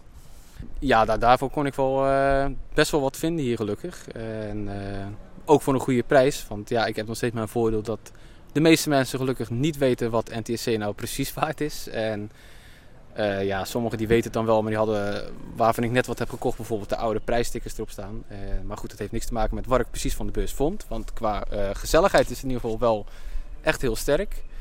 Het was echt ja, leuke mensen weer gezien, veel oude bekenden. leuke bootbabes een keertje, dus dat was, of in ieder geval cosplay chicks, laat ik het zo zeggen. Dat, dat was goed bevallen. Ja. Dat was eigenlijk het hoogtepunt van deze dag. We hebben een hele mooie foto naar mij gestuurd omdat hij er niet was, dan denken we, nou, hè, dan kan in ieder geval zien wat hij wel heeft gemist. Als goedmakertje. Als goedmakertje. Vreemd nou, genoeg denk ik dat we, tot we, maar, tot we Mike daar geen plezier mee doen. nee, maar... Mike is daar niet echt gevoelig voor. nee, okay. Mike vindt dat niet zo leuk, maar Mike vindt eigenlijk gewoon de meeste dingen niet zo leuk. Dus dat is niet echt representatief. nee, dat is ook zo. Ja. Ja. En het, ja, nee, het, was, uh, het, is, het is een leuke locatie. Het is uh, heel wat anders. We zitten in een, uh, een ijshockeybaan waar het gelukkig wel dicht is en wat warmer dan dat een ijshockeybaan zou zijn, waar ik zou verwachten. Ja, uh, om het kort samen te vatten, je ballen vriezen er niet vanaf. ja, inderdaad, dat, dat gebeurt nog net niet. Je hoeft nog geen thermische onderbroek nee, aan uh, te doen. Maar ik moet, ik moet zeggen, joh, ik, ik deel... Leuke, leuke bus, leuke mensen, veel bekenden. met mijn gevoel weinig aanbod. Veel Playstation vooral. Ja, dat moet ik helemaal niet hebben. Playstation. ja, NES wel veel, veel Paul natuurlijk. Want ja, dan kan ik beter naar Amerika gaan voor mijn verzamelwoede. En uh, ja, dat is wel een beetje mijn, uh, mijn gedachte erover. Ja, klopt. Jo, ik ben het eigenlijk uh, ja, best wel heel erg met je eens, Martijn. Wat me ook opvalt is inderdaad van hoeveel PlayStation hier ligt. Heel veel PlayStation, met name PlayStation 1. Ja. Bakken en bakken met PlayStation 1. ook gewoon die prijzen. Die bizar lage prijzen voor die PlayStation 1 games. Joh, echt. Ja, cool uh, ik vind, euro. Ja, ik vind wel, ik vind wel als uh, Rap Reload heb ik zeg maar voor 8 euro zien gaan. Ik vind wel, zeg maar, als je een PlayStation 1 verzamelaar bent, ja, dan had je hier gewoon eigenlijk gewoon moeten zijn, vind ik. Ja. Ja, dit is wel gewoon echt de place to be. Ja, dat is wel. Uh... Ja, ja, maar joh, je kan jezelf niet opdelen. Je kan jezelf niet opdelen. Andere verplichtingen is andere verplichtingen.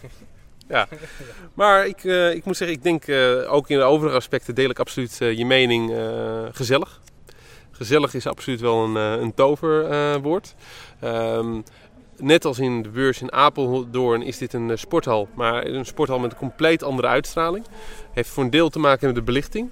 Waar je in Eindhoven, sorry, in Apeldoorn belichting hebt met TL-licht, heb je hier ja, een andere soort belichting, veel zachter. Op sommige plekken is het zelfs best wel donker. Geeft wel soms moeite met de dingen te zien. Maar uh, geeft zeker ook wel wat meer sfeer. En waarom is het donker? Het is donker vanwege het, uh, ja, het uh, PC Gaming Event wat ook plaatsvindt. Alle mensen van de Dutch Gaming Federations ja, die tegen elkaar opnemen in verschillende toernooien voor verschillende games. En we weten gewoon allemaal, PC-gamers, dat zijn zulke nerds, die kunnen het daglicht niet verdragen. En daarom moet je het natuurlijk gewoon ook donker maken. Ja. Toch mannen? Ja. nee, dat is natuurlijk niet zo.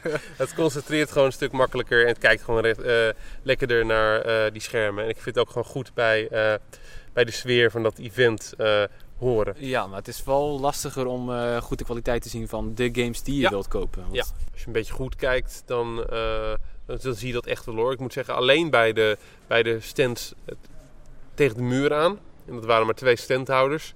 Ja, daar was het gewoon echt, echt heel, eh, heel donker. Daar zag je het gewoon niet eh, goed. En voor de rest ging het nog wel, vond ik persoonlijk. Ja. Maar dat is mijn perceptie. Misschien heb ik gewoon iets beter oog dan jij, Martijn. Dat, eh, dat zou misschien kunnen zijn. Ja. Joh, en wat waren jouw aankopen van de beurs tot nu toe? Als je er eentje uit zou moeten kiezen. Eentje uit zou moeten kiezen. Twee.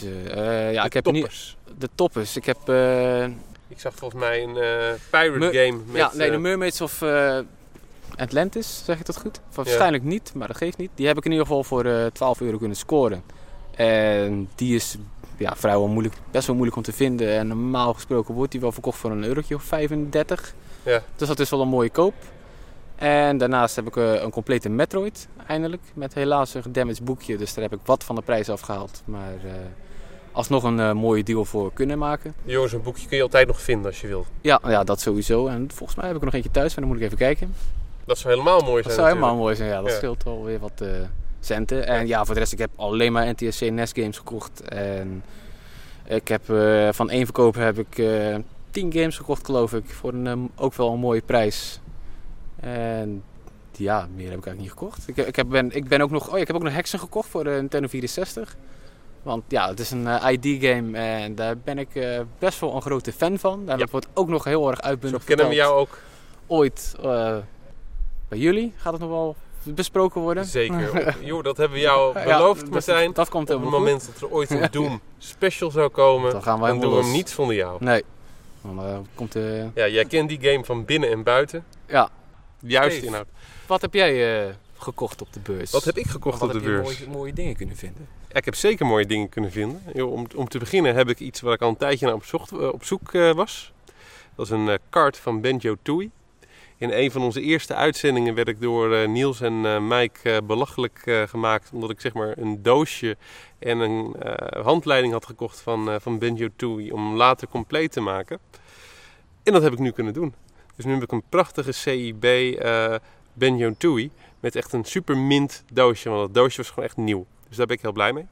Ik heb twee mooie figures kunnen kopen van Goku en Piccolo. Ik vind het altijd wel leuk om op dit soort dingen ook dat soort ja, items te zoeken. Dat zijn zaken. Normaal gesproken komen daar aardig wat verzendkosten bij. En eh, ja, dat, dat bespaar je nu eh, alweer. Ik had ze eh, samen voor, voor 16 euro, dus dat was geen geld. Dragon Ball Kai versie of de Z-versie? Volgens mij de Z-versie. Ze waren in ieder geval Z genoeg voor, voor mij. Ik ken het, het verschil zie ik niet in één keer. En joh, daarnaast heb ik ook nog Tactics Ogre kunnen scoren op, op de PSP. Eh, Niels en ik die zijn de laatste tijd zo verslingerd aan eh, ja, tactische strategy RPG's dat ik zoiets had van joh, die hoort die er ook nog wel eh, bij. Was maar een tientje, dus kon ik niet laten liggen. Verder voor een tientje moest ook gewoon mee de guide van Legacy of Kane Defiance. Legacy of Kane is een van mijn favoriete series. Vind ik echt zo'n gaaf verhaal. Er is heel weinig merchandise van. Dus als ik dan eens een keer iets tegenkom, dan moet dat gewoon mee. Dat is een afspraak die ik heb met mezelf. Ja, en daarnaast, eh, daar ben ik misschien nog wel het meest blij mee. Mijn allereerste game ooit was een LCD-game. Sea Ranger. Dat is een game die heb ik echt 25 jaar geleden van mijn ouders eh, gekregen. En die had toen eh, ja, ook nog het doosje. En dat doosje is al lang vergaan. De, ben ik ergens kwijtgeraakt. De game heb ik nog steeds. alleen het doosje had ik niet meer. En die heb ik zeg maar weer kunnen kopen. Dus nu heb ik een tweede versie. Een iets andere versie. Die van mij is blauw en deze is rood. Maar wel gewoon met precies hetzelfde doosje wat ik vroeger had. Dus nu moet ik nog een keertje een manual zien te scoren. En heb ik mijn allereerste game weer helemaal compleet. Dus dat vind ik echt wel heel gaaf. Dat had ik niet verwacht eh, om hem eh, te vinden. Ook voor een goede prijs. Er zijn ook nog wat dingetjes die ik heb laten lopen. Sommige dingen waar ik dan nog van baal. Eh, Sunset Riders op de SNES. Die had ik zien liggen voor 100 euro. En daar wil ik eventjes over eh, onderhandelen. En eigenlijk toen ik er naartoe liep om te onderhandelen, toen had iemand anders hem gekocht. Maar die jongen die ken ik ook goed en die gun ik het ook wel, dus prima. En eh, Innocent Life, een game op de PSP, waarvan ik dacht, hé, hey, volgens mij is die zeldzaam. En dacht, dacht, dacht klaarblijkelijk iemand ook, want die uh, was ook uh, vrij snel weg. Maar nu ga ik hem eventjes jouw kant op keren. Wat zijn jouw aankopen van de beurs, Niels? Nou, het zijn er nog niet zoveel tot nu toe. Uh, ik heb ook pas een half rondje gemaakt, dus er zit nog wat aan te komen, denk ik. Maar ik ben de cards, en je hoort ze misschien al stapelen. Dus ik heb hier eerst snowboard kits. Vaak veel dingen over gelezen en gezien, filmpjes en mijn indruk was dat, dat dit wel een leuk spel was. Ik hou sowieso wel van, van split-screen multiplayer games. Ja. Eens kijken, dan heb ik ook nog uh, Sensible Soccer. 51 kost die. Total Carnage. Oftewel volgens jou ook uh, het spiritual opvolger van Smash TV. Ja. Ik ben heel benieuwd. Hij kan ook co-op en dat is de reden dat ja. ik hem heb gekocht. En dan heb ik nog uh, twee spellen tot slot. Um, eigenlijk is het allebei Tetris Attack. Alleen de ene is voor de SNES en de andere is voor de Nintendo 64 in ja. Pokémon editie. Ja. Waarom twee? Omdat ik niet weet welke de beste versie is. Zullen we weer naar binnen gaan, uh, man? En nog eventjes zeg maar, langs al die rijen en rijen met PlayStation games kijken. Of voor mezelf gewoon, ja. Ja, gewoon voor jezelf. Beetje... Je, je, hebt er niet zoveel mee, toch? Van nee, de PlayStation? Niks, ja, precies. Beter dan dat ze blijven liggen, toch? ik bedoel, wat zou je er anders mee kunnen doen? Ja, ja, kijk... Uh, Ken je misschien iemand om er blij mee te maken of ik zo? Ik heb nog wat dual cases nodig, sowieso. Dus, dual uh, cases? Ja, daar kan ik mijn boekjes in stoppen. Dan, ik gebruik ze altijd zeg maar als deurstop. Ja, oh ja, dat is ook... Uh, dus ja, dat is het ook eigenlijk het enige waar die dingen goed voor zijn. ja, vind ik wel. Ja. Hey, kom mannen, we gaan lekker weer uit de zon en we gaan weer terug naar het duisternis van de zaal. En kijken of de mooie cosplay dames nog steeds daar voor ons zijn.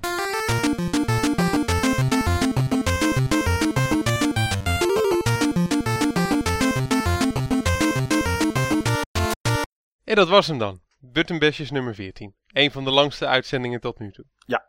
Hebben we hem weer met veel plezier opgenomen, mannen? Ja, zeker weten. Het, het is, hoe raar het ook klinkt en hoeveel wij ook door de week en in ons dagelijks leven met games doen. Er kan altijd een uurtje extra bij om ook nog eens even lekker over games te, te ouwehoeren. En dat uh, ja, is onze uitlaatklep uh, in dit geval als, uh, als buttonbashers zijnde. Ja, ik kijk er elke week weer naar uit om een nieuwe aflevering op te nemen. Ja, zeker. Zeker. Jo, ik vind het elke week weer gezellig om het met jullie op deze manier te doen.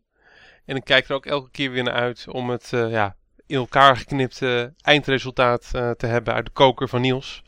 Ik ben ook weer benieuwd steeds weer wat mensen ervan vinden. Zeker weten. Heb je deze hele uitzending gehoord? Laat alsjeblieft weten van wat je ervan vond via een van onze kanalen. We hebben er genoeg en er komen nog steeds meer bij. Want we proberen buttonbashers ook steeds breder uh, neer te zetten in Gameland. Laat ons vooral weten wat je ervan vond. Hoe je over bepaalde dingen uh, zelf denkt. Denk je hetzelfde? Denk je heel anders? Vinden we leuk om te horen. Volgende week zijn we er weer, maar toch mannen? Ja, zeker weten. Volgende week gaan ja. we er weer keihard tegenaan. We houden de vaart erin. Ja. En uh, om nog meer de vaat uh, erin te houden, je hebt vast nog wel een mooi, lekker snel, rapido jingletje, toch Niels? Ja. Ik ja, zal eens iets kijken. Met, Kom er maar mee. Iets met een hoop snelheid.